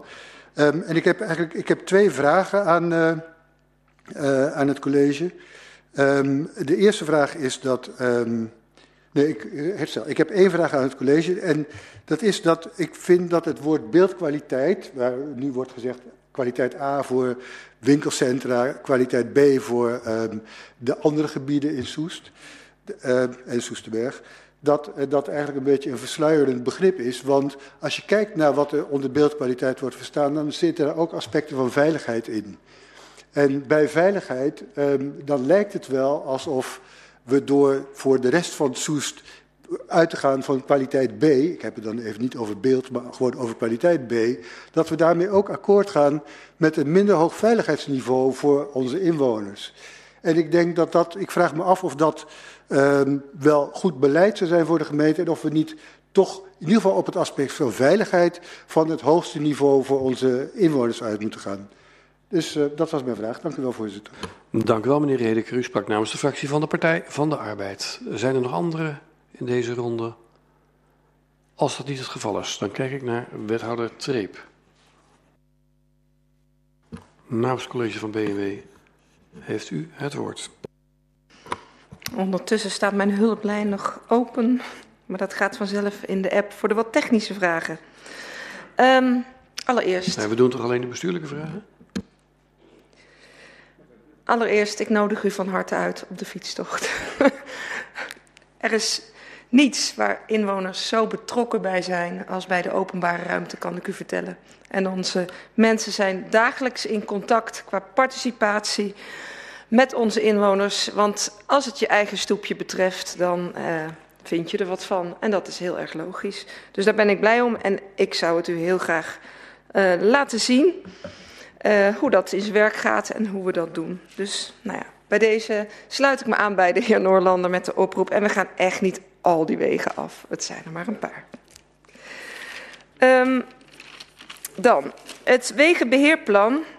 Ja, dat is eigenlijk een technisch stuk. Dat gaat over uh, hoe houden wij onze wegen veilig en heel. Juist voor die bewoner die niet over diezelfde stoeptegel voor zijn deur wil struikelen. En waar we dus heel veel klachten over krijgen. Dus ik ben ook heel blij dat die achterstanden uh, weg zijn, grotendeels zijn weggewerkt. En uh, dat helpt al enorm. En dus kunnen we naar de toekomst kijken. Maar het blijft wel een technisch verhaal. Uh, het gaat echt over de steen eruit en de andere erin. Um, en daarin hebben we nou eenmaal met uh, normen te maken die wij vast hebben gelegd. En dat heet dan A of B. Uh, die ook wat technisch van aard zijn, maar dat zijn gewoon wel de gangbare normen. En u kunt aangeven welke norm u het beste vindt passen. Uh, wij hebben ervoor gekozen om de winkelgebieden echt wat uh, beter te maken en ook gelijk te maken. Het was inderdaad zo dat de Rademakerstraat en Van Wederstraat vrij, vrij nieuw zijn en dus op dat A-niveau zitten. Maar we ook vinden dat alle winkelcentra dat verdienen. En wij vinden B veilig genoeg voor al onze inwoners zonder dat we onszelf onnodig op kosten jagen. En daar zit een beetje de balans. Uh, want we hebben wel de verplichting om die wegen veilig te houden. En wij denken dat we dat met B voldoende kunnen realiseren. En uh, wij inspecteren met enige regelmaat of we daar nog steeds aan voldoen. Um, VVD, uh, de heer Van der Wart, u vroeg naar de einddatum. Eigenlijk is dit een doorlopend proces en dat heeft te maken met de afschrijvingstermijn van die wegen die we op 60 jaar hebben gesteld. Dus we zijn altijd bezig met wegen, uh, omdat we ze nou eenmaal een keer aanleggen, ook in de nieuwe wijken, en je op een gegeven moment weer aan de beurt bent om ze dan weer uh, te vervangen. Maar we voeren wel tussendoor die inspecties uit en de eerstvolgende staat dan gepland op 2026, zodat we in het jaar daarna, 2027, het wegenbeheerplan opnieuw kunnen maken en opnieuw kunnen kijken wat zijn dan de ambities, wat zijn dan de benodigde budgetten en zo herijken we het. Maar dat is wel een doorlopend proces. U gaf ook aan, betrek vooral ook lokale bedrijven. Er zijn er nogal een aantal in Soest. En die doen ook mee met inschrijvingen. En iedere keer moeten we dat opnieuw aanbesteden. Uh, en dan kunnen we ook kijken, zijn er lokale partijen dan op dat moment ook de beste inschrijving? En dat is best vaak het geval. Uh, en dat is ook in de groenrenovatie bijvoorbeeld zo. Dus gelukkig uh, zit dat in ons aanbestedingsbeleid ingebakken en lukt dat vrij aardig. Even kijken, ik check heel even mijn hulplijn. nou ja, um, dat gaat ook over de ambities. En u legt, uh, verschillende van u leggen de link met het mobiliteitsprogramma. Uh, Daar is eigenlijk de plek om bepaalde ambities vast te leggen. Dit is het, hoe je dan die wegen opknapt. En um, iedere keer als we een, een weg bij de kop pakken, dan kunnen we dan uh, maatwerk leveren op, op, op duurzaamheid, op klimaatadaptieve maatregelen. En dat zullen we ook doen. En dan zullen we ook kijken, kunnen we wat verharding weghalen die in onze ogen overbodig was geweest. En juist die invullen met groen. Dat doen we vaak ook met bewoners. Maar de wedding cake of de, de global goals die daarachter liggen, die liggen juist in, het, in de startnotitie zelf. Uh, daar kunt u dat eigenlijk kwijt. Um, even kijken. De ja, de FC Kuiperstraat is heel erg specifiek. We hebben het eerder een keer hierover uh, over gehad in de raad. Alle wegen die we vervangen gaan volgens een lijst. Uh, nou ja, we beginnen uiteraard bij de slechtste en uh, vanzelf schuiven de anderen dan op. En dat gaat volgens de inspectie. En daar staat de FC Kuiperstraat niet met voorrang op. En zijn er echt andere wegen die er behoorlijk veel slechter aan toe zijn. En zodra de FC Kuiperstraat weer omhoog schuift, dan zijn ze vanzelf aan de beurt. Soestelis W vroeg ook naar uh, de vervanging van asfalt voor elementverharding. Dat is inderdaad beleid wat we nu doen. Zodat je echt kan zien, dit is meer verblijfsgebied. Asfalt in woonstraten gaat er gewoon uit. Uh, is ook duurzamer dan in die zin uh, beter waterdoorlatend. Nou, daar kijken we ook naar, maar die inrichting is over heel de gemeente vervolgens gelijk en dus herkenbaar. Op zich wordt mobiliteit, dat wil ik dan wel even toevoegen aan wat ik net zei, wel altijd ook meegenomen. Er wordt wel vanuit het potje van mobiliteit gekeken. Moet er een extra drempel komen? Is het nodig om een weg nog veiliger te maken, ook juist voor de gebruiker van de weg? Um, en dan kijken we wat is er mogelijk, wat is wenselijk en kunnen we dat dan ook budgetair meenemen. De dekking komt nog, dat klopt. Die moet echt ook mee in, uh, in de begroting. Dus dat is uh, juist. En volgens mij heb ik dan de vragen beantwoord. Ik hoor het graag. Ja, dat ga ik nu inventariseren. Wie wilde voor de tweede termijn? Meneer Terbeek Suikerberg heb ik gezien. Dat is het, meneer Terbeek Suikerberg. U heeft het woord. Voorzitter, dank u. Um, ja, ik had nog de vraag over, uh, over het stomprincipe. Dus in hoeverre we uh, nog een keuze zouden kunnen maken, of waarom de keuze niet gemaakt is om voor voetgangers en fietsers een, een hogere, uh, ja, hogere waarde te geven. En of je ook niet zou moeten kunnen kijken of je bij bepaalde stations, aangezien we afgelopen week te horen hebben gekregen dat, die ook, nou ja, dat er te weinig reizigers zijn, of je daar ook niet bij nou, dat gebied zou moeten kunnen kijken of je dat ook niet op een hoog niveau zou willen hebben. Dank u wel, meneer Terbeek Zakenwijk. Zijn er nog andere?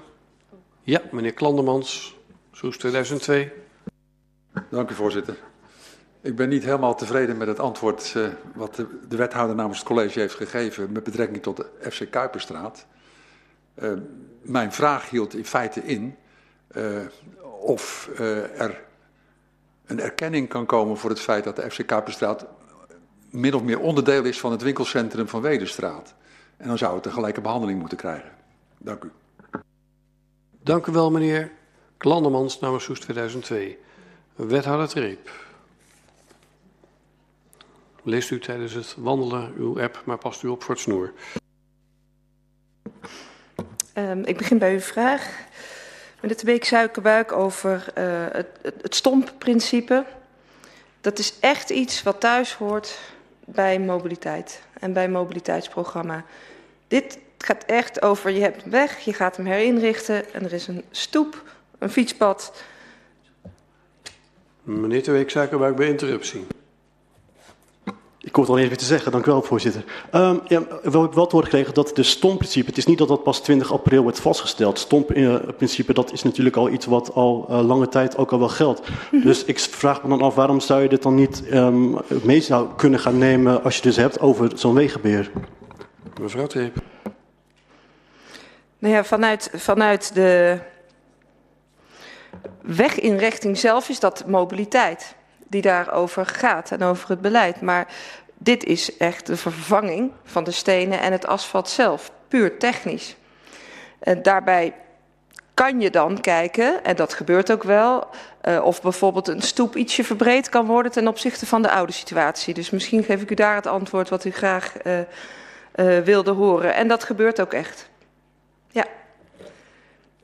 Um, stations op A is op A-niveau. Dat is echt een keuze die ik die ik graag uh, bij u laat. Wij zien het vanuit grote bezoekersaantallen, die we juist wel in winkelcentra zien, uh, ook tegelijkertijd vaak. En wat minder op stations. Daarom is nu de keuze B. En als u dat anders ziet, uh, nou, dan is dat aan u. Um, de FC Kuiperstraat, daar kwam u nog op terug, meneer Klandermans. Uh, erkent u dat dit bij de Van Wedestraat uh, hoort? Um, nou, er zit natuurlijk een winkel, er zit ook woongebieden, dus het hangt er een beetje net tussenin. Ik zou die graag als suggestie van u mee willen nemen in de beoordeling als we hem uit gaan voeren ter zijner tijd. U bent nu al klaar. Ja, ik was even. Neem me niet kwalijk, ik denk weer nog. Goed, zijn er dan nog onderwerpen waar u met elkaar over in gesprek wenst?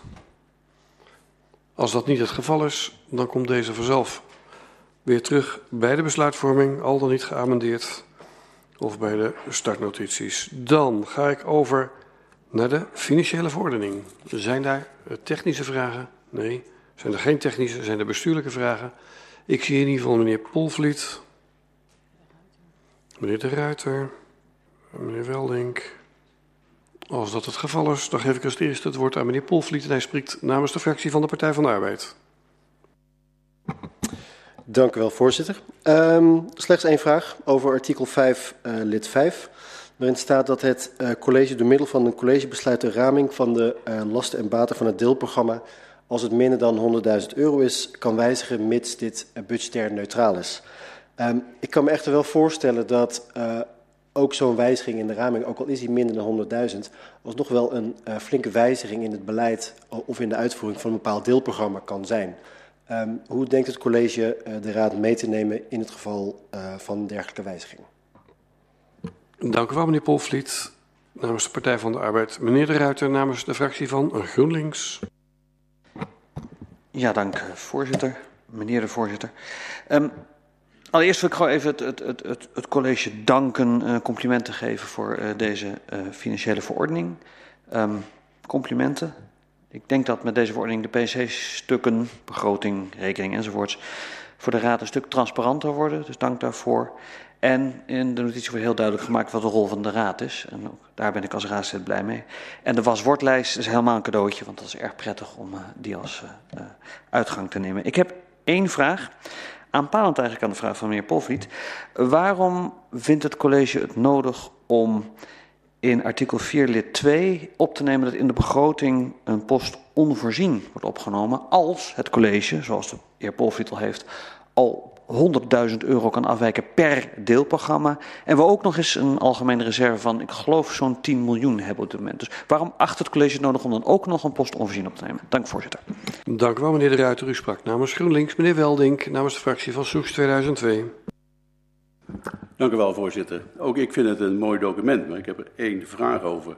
Ik zal even een voorbeeld noemen. In de artikel 6 lid 1 stelt u dat de voorjaarsnota en de najaarsnota komen te vervallen. Dat zijn voor ons toch wel vrij bekende nota's. En het wordt vervangen door het college informeert de raad gedurende het kalenderjaar in de regel twee keer tussentijds en twee keer tussentijdse rapportages betekent eigenlijk een verschuiving van een resultaatverplichting naar een inspanningverplichting, wat ik wel toejuich. Maar de vraag is toch, uh, is dat zo? Vindt u dat, het een, dat de raad meer uh, afhankelijk van de informatie gaat informeren? En zo ja, hoe krijgt de raad dan uh, altijd de juiste informatie op de juiste tijd? Dank u wel, voorzitter. Dank u wel, meneer Welding. U sprak namens de fractie van Soes 2002. Anderen nog met vragen aan het college? Als dat niet het geval is, dan kijk ik naar de wethouder Finn. We noemen haar Van Aalst. Wethouder Van Aalst, u heeft het woord. Dank u wel. De eerste vraag van de PvdA over artikel 5, lid 5. of het soms niet raadzaam kan zijn dat het college ook de raad informeert als het budgetair neutraal is of lager dan 100.000 euro. En dat uh, is het college met u eens. Ook als we kijken nu naar de huidige opzet van de voorjaarsnota en najaarsnota, rapporteren we vooral over financiële uh, afwijkingen. Maar het kan ook heel goed zijn, dat is eigenlijk iets wat ook in de informatiebijeenkomst waarin we met elkaar brainstormden over hoe kunnen we die PNC-stukken nou doorontwikkelen. Dat het ook eigenlijk wel een goed idee is om ook te rapporteren als we op inhoud afwijkingen zien. En die hoeven dan inderdaad niet meteen financieel van aard te zijn. Maar het kan wel heel relevant zijn dat de Raad dat weet, omdat daar bijvoorbeeld beleidsdoelstellingen mee nou, in uh, het geding komen of dat dat mogelijk in de toekomst tot kosten zal leiden. Dat is wel nog een doorontwikkeling. Maar ik ben het met u eens dat dat wel een doorontwikkeling is die de moeite waard is. Um, dan ga ik naar de vraag uh, van GroenLinks. Van waarom uh, wordt er een post onvoorzien in de begroting opgenomen? Um, nou, dat is uh, ten eerste omdat het natuurlijk altijd kan voorkomen dat er onvoorziene kosten zijn. Maar het is ook omdat wij daartoe ook verplicht zijn om een dergelijke post in de begroting op te nemen. dus eigenlijk tweeledig. Het is nuttig, maar ook gewoon, we kunnen niet anders. Dan um, de vraag van de heer Welding. Het is niet de bedoeling om de voorjaarsnota en de najaarsnota te laten vervallen. Het staat er inderdaad wat anders opgeschreven, als een tussentijdse rapportage. En dan denk je, nee, maar eigenlijk bedoelen we daar wel mee. Wij noemen hem de voorjaarsnota en de najaarsnota, omdat die dan in het voor- of najaar valt. Maar het zijn eigenlijk beide tussentijdse rapportages. En deze uh, verordening biedt in die zin wel de ruimte om te zeggen van nou, uh, we, we, willen daar uh, zeggen van nou, we willen er één van. Maar eigenlijk is wel nou ja, we gaan, wij gaan er wel nou ja, uh, voor om gewoon de voorjaarsnoten en najaarsnoten te handhaven. Maar dat is ook, uh, in gesprek met uw raad kunnen we daar natuurlijk altijd weer ideeën over uitwisselen. Dus zo'n bespreking als vandaag ook het moment voor. Dank, Dank u wel, wethouder Van Als. Leidt dat tot vragen voor de tweede termijn? Nee, ik zie het niet. Dan ga ik u vragen, wil u daarover nog het gesprek met elkaar voeren? Dat zie ik ook niet. Dan is daarmee dit agendapunt ook klaar. En zien wij op 20 april terug. Uh, dan kom ik bij uh, 3D, nota grondbeleid. Zijn daar uh, een bestuurlijke vragen over? Ik zie meneer De Ruiter, meneer Redeker, mevrouw Wegman, mevrouw Sterenberg. Dat lijkt het voorlopig te zijn. Meneer De Ruiter, GroenLinks, u heeft het woord. Ja, wederom beginnend met uh, dank aan het college. Uh, jammer dat de uh, behandelend wethouder er niet kan zijn vanwege ziekte. Maar ik neem aan dat de complimenten worden overgebracht. Heel fijn dat Soest niet alleen maar faciliterend gaat zijn aan het grondbeleid, maar daar ook deels wat actiever in gaat zijn. We willen zelf iets met de grond in onze gemeente. Wederom één vraag. Um, we spreken nu van situationeel grondbeleid. Dat betekent dat van geval wordt bekeken of we nu wel of niet uh, uh, daar actief een rol in gaan spelen. Uh, het college neemt steeds die beslissing. Um, dat wordt verantwoord in de PNC-cyclus, maar dat geldt eigenlijk alleen maar voor de financiële gevolgen. En mijn vraag is eigenlijk, hoe is het college van plan haar keuzes van geval tot geval situationeel richting de raad te verantwoorden, anders dan alleen maar de financiële gevolgen? Dank voorzitter. Dank u wel meneer De Ruiter. U sprak namens de fractie van GroenLinks. Meneer Redeke, Partij van de Arbeid. Voorzitter, dank u wel. Ik sluit me graag aan bij de woorden van de, mijn voorganger dat, uh, met de complimenten voor de heldere notitie. Um, eigenlijk vinden wij als Partij van de Arbeid dat we wel dat deze beleidsverandering wel een paar jaar eerder had mogen worden ingezet uh, door, de, door de gemeente, omdat we daarmee volgens mij een stap zetten naar in ieder geval een mogelijke oplossing van de grote woning, voor de grote vraag naar woningen uh, in, in Soest. Um, en um, dat brengt me wel wat het, het ingewikkelde is dat je met een actief grondbeleid meteen in de markt komt waar je als overheid in mijn ervaring lijkt dat er natuurlijk meteen eigenlijk in een soort van achterstand zit.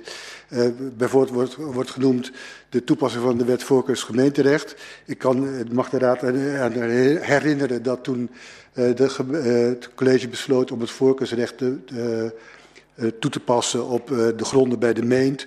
Dat toen ook al er sprake was van een overeenkomst met een projectontwikkelaar. En dat dat dus vervolgens tot een ja, eigenlijk ingewikkelder proces leidde dan je op basis van, die wet, van de toepassing van de wet voorkeursrecht uh, zou willen wensen. Dus eigenlijk zouden naast de wet open overheid misschien ook wel een soort, soort hebben we behoefte aan een wet open uh, projectontwikkelaars en een wet open grondspeculanten. Dat zou het allemaal voor ons veel, veel makkelijker maken. Maar dat leidt me wel tot de, tot de vraag uh, aan het college en dat is, uh, ik ben vooral benieuwd van wat het college nu gaat doen om ook daadwerkelijk dat actieve grondbeleid in de praktijk te brengen. Dank u wel, meneer Redeker. U sprak namens de fractie van de Partij van de Arbeid. Mevrouw Wegman, fractie van GGS. Dank u wel, voorzitter. Ja, uh, situationeel beleid. Dat klinkt wel een beetje paradoxaal. Uh, maar zoals dat gaat met paradox, als je er dan over nadenkt, dan klopt het ook wel. Uh, want er zijn drie smaken, actief, passief en iets ertussenin. En uh, in de nota staat een kader, een afwegingskader en er staat uh, een proces. En aan de hand daarvan wordt gekozen voor welk beleid, uh, voor welke vorm men gaat. en wij, wij vinden het een heel goed idee dat dus actief grondbeleid, dat dat vaker gebeurt. Daar, wij sluiten ons aan bij de andere sprekers, hebben we gehoord. Want we kunnen dan sturen. We kunnen sturen op hoe vinden we dat Soester in de toekomst uh, uit moet zien. En ook uh, hopen we dat de financiële voordelen makkelijker en directer naar de gemeente en de inwoners komen. Dus daar zijn we blij mee.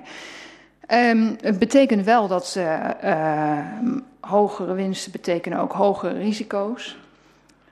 En er staat een, een paragraaf in het stuk over risicomanagement. En mijn vraag aan de wethouder zou zijn geweest: ja, hoe gaat u daarop toezien dat dat risicomanagement, dat wordt heel erg belangrijk, dat u dat goed gaat uitvoeren? Nu heb ik stiekem toch ook al met de ambtenaren erover gepraat en eigenlijk heb ik al een antwoord gekregen. Uh, en dat is: ja, daar gaan we heel hard mee aan de slag.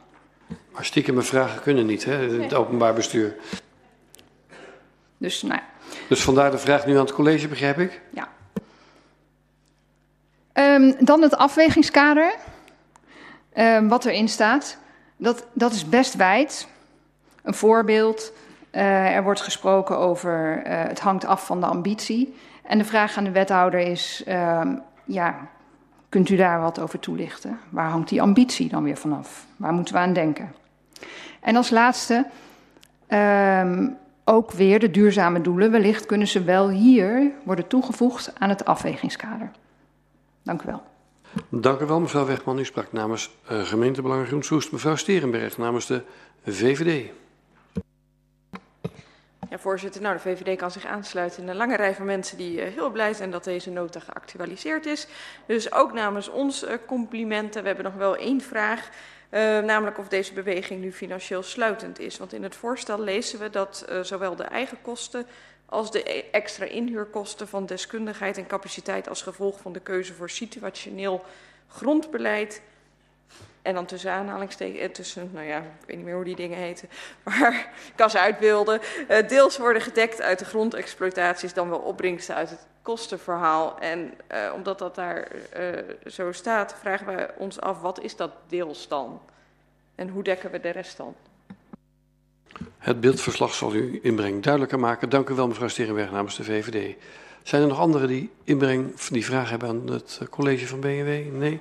Dan kijk ik naar wethouder Van Aalst voor de beantwoording namens het college van BNW. Als plaatsvervangend portefeuillehouder. Tijdelijk op dit onderwerp. Dank u wel. Uh, de eerste vraag van uh, GroenLinks. Um, de college, van hoe neemt het college nou een besluit hoe, van hoe van geval tot geval te handelen? Nou, daar is dit grondbeleid, moet daar echt richting aan geven. Als we kijken naar het huidige grondbeleid, dan ziet u dat er echt op een aantal punten aanscherpingen zijn. Zodat u, onze raad, ons ook duidelijke kaders neemt hoe te handelen. Want op een vraag van uw collega Hans Redik van de PvdA, die vroeg ook van ja, hoe hebben we nou in de praktijk eigenlijk gehandeld de afgelopen jaren? En toen bleek dat er best wel wat voorbeelden zijn waar we eigenlijk al ons als uh, ja, actief grondbeleid hebben gehandeld. Uh, terwijl ons beleid, nou, die bood al wel ruimte voor, maar was daar niet zo duidelijk in het afwegingskader. En juist met dit afwegingskader en dit beleid is tot doel om daar ook wat meer uh, richting aan te geven, zodat die afweging ook duidelijker wordt.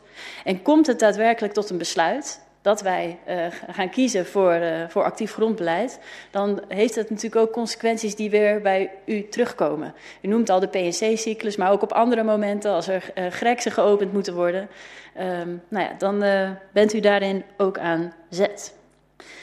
U vraagt, de collega van de PvdA vraagt van wat gaan we doen om het beleid in de praktijk te brengen. Uh, het mooie is, dat heb ik nog vergeten te melden, uh, is dat we zijn begonnen met een taskforce. En een van de bevindingen daarvan was, jongens, dat beleid moet up-to-date komen. En dan heeft uw raad er ook voor gekozen om uh, als eerste eigenlijk de nota grondbeleid en nota kostenverhaal, om die op te pakken omdat uh, we eigenlijk wel ons instrumentarium paraat moeten hebben op het moment dat u ook echt de keuzes maakt om te gaan handelen. En deze waren ook echt wel aan herziening toe, zoals een aantal van u ook al gememoreerd uh, gememoreerd hebben. En als uitwerking van de omgevingsvisie zijn we bezig met omgevingsprogramma's. En dat is ook heel bepalend voor hoe we het straks nou, in de praktijk gaan brengen.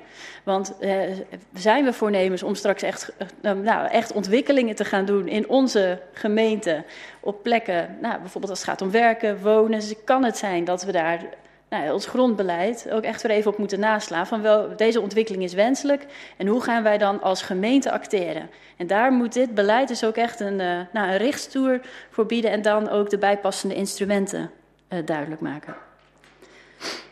Uh, de fractie van GGS vraagt naar het risicomanagement. Nou, dat is ook in dit college echt een onderwerp van gesprek geweest. Want ook al is het zo dat we nu wel duidelijker vastleggen uh, nou, dat het ziet wel situationeel grondbeleid, wat we ook al wel een beetje voeren, moeten we nog steeds echt wel goed die risico's managen. Want als we echt ook actief grondbeleid gaan voeren, ja, dan komt daar wel wat bij kijken. Dus dat is expliciet onderdeel geweest ook van het gesprek. En is ook onderdeel van weer het implementatieplan bouwen aan vertrouwen. Want deels zorgt dit uh, beleid ervoor dat we dat risicomanagement goed moeten borgen. Maar we hebben ook vanuit, uh, vanuit andere overwegingen ook echt daar een, uh, nou, een actieplan op om die risicobeheersing verder te ontwikkelen. Dan vraagt u naar het afwegingskader. En zegt van waar hangt de ambities vanaf? Nou, eigenlijk verwijzen we daarmee naar het beleid wat u als raad vaststelt. Dus dan verwijzen we naar uh, de ambities nou, vanuit de omgevingsvisie, die straks vanuit de omgevingsprogramma's als aanvullende kaders zouden kunnen worden gesteld. Dat zijn de ambities. Dus als u daar dan bijvoorbeeld de Social Development Goals vaststelt als beleid, is dat dus ook een van de ambities of beleidsdoelstellingen waarmee in dit nota grondbeleid ook rekening mee wordt gehouden. Van nee, als de initiatief daaraan bijdraagt, nou, dat is een van de punten waar dan ook de afweging op gemaakt wordt. En dat is zo ruim geformuleerd, uh, omdat, u, nou, uh, omdat wij gewoon het beleid er dan op naslaan. Dit is meer de, de uitwerking daarvan, hoe we ook echt aan de slag kunnen met de ambities die de Raad formuleert. En dit beleid stelt ons ook in staat om ook echt te handelen. Dat is het mooie ervan. Dan uh, vroeg uh, de fractie van de VVD naar de, de, de kosten. Uh, nou, dat is inderdaad maar net hoe, je de, hoe we de tekst lezen. Dus ik snap uw vraag. En dat woordje deels slaat op dat het nou, gedekt kan worden vanuit verschillende onderwerpen. Dan deel, of deel, vanuit verschillende oorsprongen. Deels de grondexploitaties en anderzijds die anterieure overeenkomsten. Dus zo moet u dat zien. Maar die, nou, de, de nou, dat we voldoende budget moeten hebben om dit daadwerkelijk uit te voeren, dat is ook weer een van die dingen die dus echt ook een uh, bespreekpunt is geweest. Want dat is gewoon hartstikke nodig. Dank u wel. Dank u wel, wethouder Van Aalst. Ik zie meneer De Ruiter voor de tweede termijn. Zijn er nog anderen voor de tweede termijn die ik kan noteren? Niet. Meneer De Ruiter, GroenLinks, u heeft het woord. Dank u wel en dank ook voor het antwoord. Ik vroeg eigenlijk alleen naar de verantwoording. Uh, het afwegingskader is mij duidelijk en dat het college op basis daarvan keuzes maakt. Maar hoe verantwoordt u achteraf richting deze raad over die gemaakte keuze? Bijvoorbeeld ook als u niet kiest voor actief grondbeleid. Hoe verantwoordt u richting ons dat u die keuze daarin gemaakt heeft, uh, als we dat ook helemaal niet meer terugzien in grondexploitaties? Dank voorzitter. Nog anderen in de rebound voor de tweede termijn? Nee, dan kijk ik naar wethouder Van Aalst. Die heeft even behoefte aan ruggespraak. Ja, even korte schorsing. Korte bijscholingscursus. Wethouder Van Aalst. Ik moest even checken. We willen de raad niet verkeerd informeren natuurlijk. een, het is, zit zo dat dit uh, beleid geeft ons de, het afwegingskader om die beslissingen te kunnen maken. Dus u ziet de uitkomst daarvan, die ziet u daarin terug. Dus als wij, uh, ja, ik zie nog even, ik ben nog niet klaar, hè, dus misschien uh, kom ik nog op iets bevredigends. dus wij gaan het afwegingskader volgen. En uh, de, als de uitkomst daarvan is van we gaan actief grondbeleid voeren, dan komen we bij u terug. Maar het is dus niet zo dat we voor elke casus die langs dit afwegingskader wordt gelegd, die dan ook bij u terugkomt. Is alleen in het geval dat wij een, op grond van dit afwegingskader tot de conclusie komen dat uh, actief grondbeleid nou, ook uh, volgens de opdracht is die de Raad geeft, dat we daarmee bij u terugkomen. Maar niet voor elke casus dat we bij u op, op bezoek komen. Dank u wel. Is in ieder geval een helder antwoord. Of de fractie van GroenLinks er tevreden mee is, dat moet blijken. Uh, of u daar met elkaar over in gesprek wil en hoe u daar in de stemming mee omgaat. Heeft u behoefte om daar nog over in gesprek te gaan? nee. nee. Dat is zo leuk altijd, dat grondbeleid. Maar goed, daar heb ik wat mee. Um, als dat niet het geval is, dan komt deze terug op, 20, uh, op de 20ste. Goed, dan gaan wij naar de opvolgende al aangekondigde en dat is de nota kostenverhaal. Ik zie mevrouw Welsjen. En ik zie meneer De Ruiter. Mevrouw Wegman. Nou, mevrouw Welsjen, D66. U heeft het woord. Dank u wel, voorzitter. Um, het kostenverhaal is een, een. Ik heb het gelezen in de lijn van de taskforce grondbeleid Uh, de omgevings. Ik heb het in ieder geval integraal, om dat buzzword maar eens te noemen, uh, proberen te lezen. Dus mocht ik een vraag stellen dat ik, waarvan ik het antwoord ergens had kunnen lezen. Deze. Precies. Um, het uitgangspunt is al genoemd: situationeel grondbeleid uh, met voorkeur van anterieure overeenkomsten. En dat is nodig, zo lezen voor de gewenste contractvrijheid en flexibiliteit. Dat is een ruim kader, is al genoemd, maar niet zo heel raar, denk ik, gezien alle uh, vragen die er nog zijn rondom de omgevingswet. Uh, maar een vrij kader vraagt wel om de nodige afstemming binnen de organisatie. En daar was het advies van de taskforce uh, ook, gaf er een dubbel advies in. Um, want hoe zorg je ervoor dat iedereen de kaders op dezelfde manier hanteert en interpreteert, zodat de gemeente, komt tot een heldere afweging. Uh, Gudde gaf daar aan, aan dat consistentie en centrale regie van belang is. Um, mijn vraag aan de wethouder is of wij in de halfjaarlijkse bijpraatsessie um, ook op dat punt niet alleen de systematiek, maar ook de bedrijfsvoering een terugkoppeling op krijgen. Het een gaat immers niet zonder het ander. Um, in het rapport noemen de onderzoekers ook het hanteren van een startbedrag, uh, zodat niet elk initiatief maar om het oneerbiedig zich over schutting gegooid kan worden en volgens het ambtelijk apparaat dat moet gaan uitzoeken. Uh, ik heb niet terug kunnen vinden of wij dat hebben overgenomen of wij gaan werken met een startbedrag. Um, ik heb nog een duidelijksvraag over de doelgroepverordening. De doelgroepverordening wordt duidelijk genoemd, wel die van 2021, van die van 2023 is nog niet vastgesteld. Mogen we ervan uitgaan dat de percentages die hierin worden genoemd, um, uiteindelijk worden vervangen door de percentages uit de doelgroepverordening 2023 en dat niet als we dit nu goedkeuren en de doelgroepverordening voor of na de zomer, dat dan de volgorde van die um, instemming uh, bepaalt welke percentage we gaan hanteren.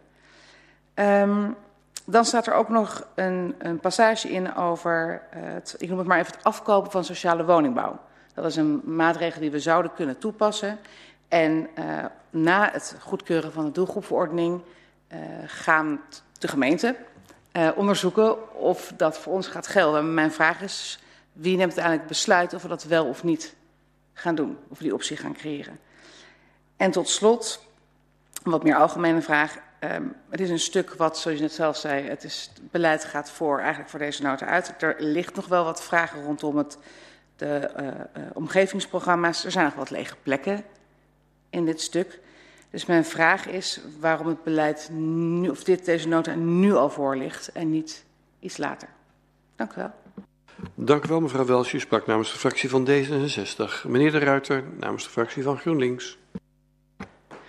Ja, voorzitter. Begin ik wederom met complimenten voor de derde keer op rij. Daarna mag de haan kraaien, uh, meneer Lucas. Of de wolf huilen natuurlijk. Um, met vooral veel dank natuurlijk aan de, de taskforce uh, die ons erop wijst dat we onze kosten beter kunnen verhalen. En we gaan dus nu meer kosten daadwerkelijk verhalen. Dus dat lijkt me een goede zaak voor de gemeente. Eén vraag wederom vanuit GroenLinks. En dat is wat het gevolg is van de uitstel van deze nieuwe systematiek tot uh, januari uh, 2024. Betekent het niet dat er wellicht een soort stuw meer van aanvragen komt vlak voor die datum, zodat die aanvragers allemaal nog onder het oude regime vallen en we die kosten niet kunnen verhalen? Dank voorzitter. Dank u wel, meneer De Ruiter. Namens GroenLinks, mevrouw Wegman, namens de fractie van GGS. Dank u wel. Ja, de nota kostenverhaal. Uh, goed idee. De mogelijkheid was er al, maar inderdaad, uh, hij werd nogal situationeel toegepast, zeg maar. Um, uh, er wordt ook gesproken, of je kan ook lezen over de kosten van leefbaarheid. Die zijn nu te verhalen. Er is een nieuw artikel voor in het besluit en er is een lijstje. En het wordt ook uitgelegd en er moet er een relatie zijn met de omgevingsvisie. Dus we kunnen kosten van leefbaarheid verhalen. Het mag, het moet niet. En de vraag aan de wethouder is: in hoeverre gaat u hiermee ambitie tonen? Het lijkt ons zo gaaf om bijvoorbeeld uh, de kosten te delen van vergroenen van een weg. Of uh, zonnepanelen plaatsen boven een parkeerplaats, om maar eens wat te zeggen. In, hoever, in hoeverre gaat u hiermee uh, ambitie tonen? Dat is onze vraag. Dank u wel, mevrouw Wegman. U sprak namens de fractie van GGS. Ik ga kijken of de plaatsvervanger van de plaatsvervanger van de plaatsvervanger. U heeft een korte schorsing nodig? Ja, we gaan even kort schorsen. We gaan even van vijf minuutjes uit. Tien voor elf gaan we ongeveer verder. Goed, dames en heren, ik heropen deze vergadering wethouder van Aals namens het college van BMW. Dank u wel. D66. Mevrouw Welsje, u vroeg van hoe zorg je, zorgen we nou dat iedereen de kaders op dezelfde manier interpreteert vanuit de bevinding van de taskforce, dat, we, dat de kaders niet eenduidig zijn en daarmee echt aan vernieuwing toe zijn. Nou, dat is een hele, um, of ja, een hele belangrijke reden waarom ook de omgevingsprogramma's, waarvan u de startnotities heeft gezien, dat we die gezamenlijk oppakken. Dus dat we niet eerst het een, dan het ander en vijf jaar later, nou ja, klopt het allemaal niet meer met elkaar. Uh, het maakt het inderdaad wat complex om dat gezamenlijk te doen, maar daarmee kunnen we wel voor zorgen dat die onderlinge samenhang, dat we die goed bewaken en dat we die tegenstrijdigheid en kaders ook zoveel mogelijk kunnen voorkomen. Dus dat is een van de nou, manieren waarop we ook deze aanbeveling uh, opvolging uh, geven. Maar dat is dus, uh, nou, vindt dus plaats in de omgevingsprogramma's en het gevolg daarvan wordt straks weer onderdeel, de uitkomst daarvan wordt weer onderdeel van de nota kostenverhaal. Daar kom ik verderop ook nog even op terug. Dan gaan we schriftelijk terugkomen op uw vraag over het startbedrag. Want daar had dus daar komen we even schriftelijk uh, bij de Raad op terug. Uh, uw vraag over de doelgroepenverordening. En u heeft daar helemaal gelijk in. Zodra de doelgroepenverordening wordt aangepast, dan zal de uitkomst daarvan is weer leidend voor zo'n nota uh, kostenverhaal. En dat geldt eigenlijk voor uh, al het beleid, want de nota kostenverhaal is eigenlijk het, het raamwerk voor hoe gaan we kosten verhalen. Maar weer die beleidsambities die wij hebben als gemeente, ja, die kunnen gedurende de tijd kunnen die gewoon wijzigen. Dus die moeten telkens moeten we die actueel houden, voorzien van een investeringsprogramma, heel belangrijk.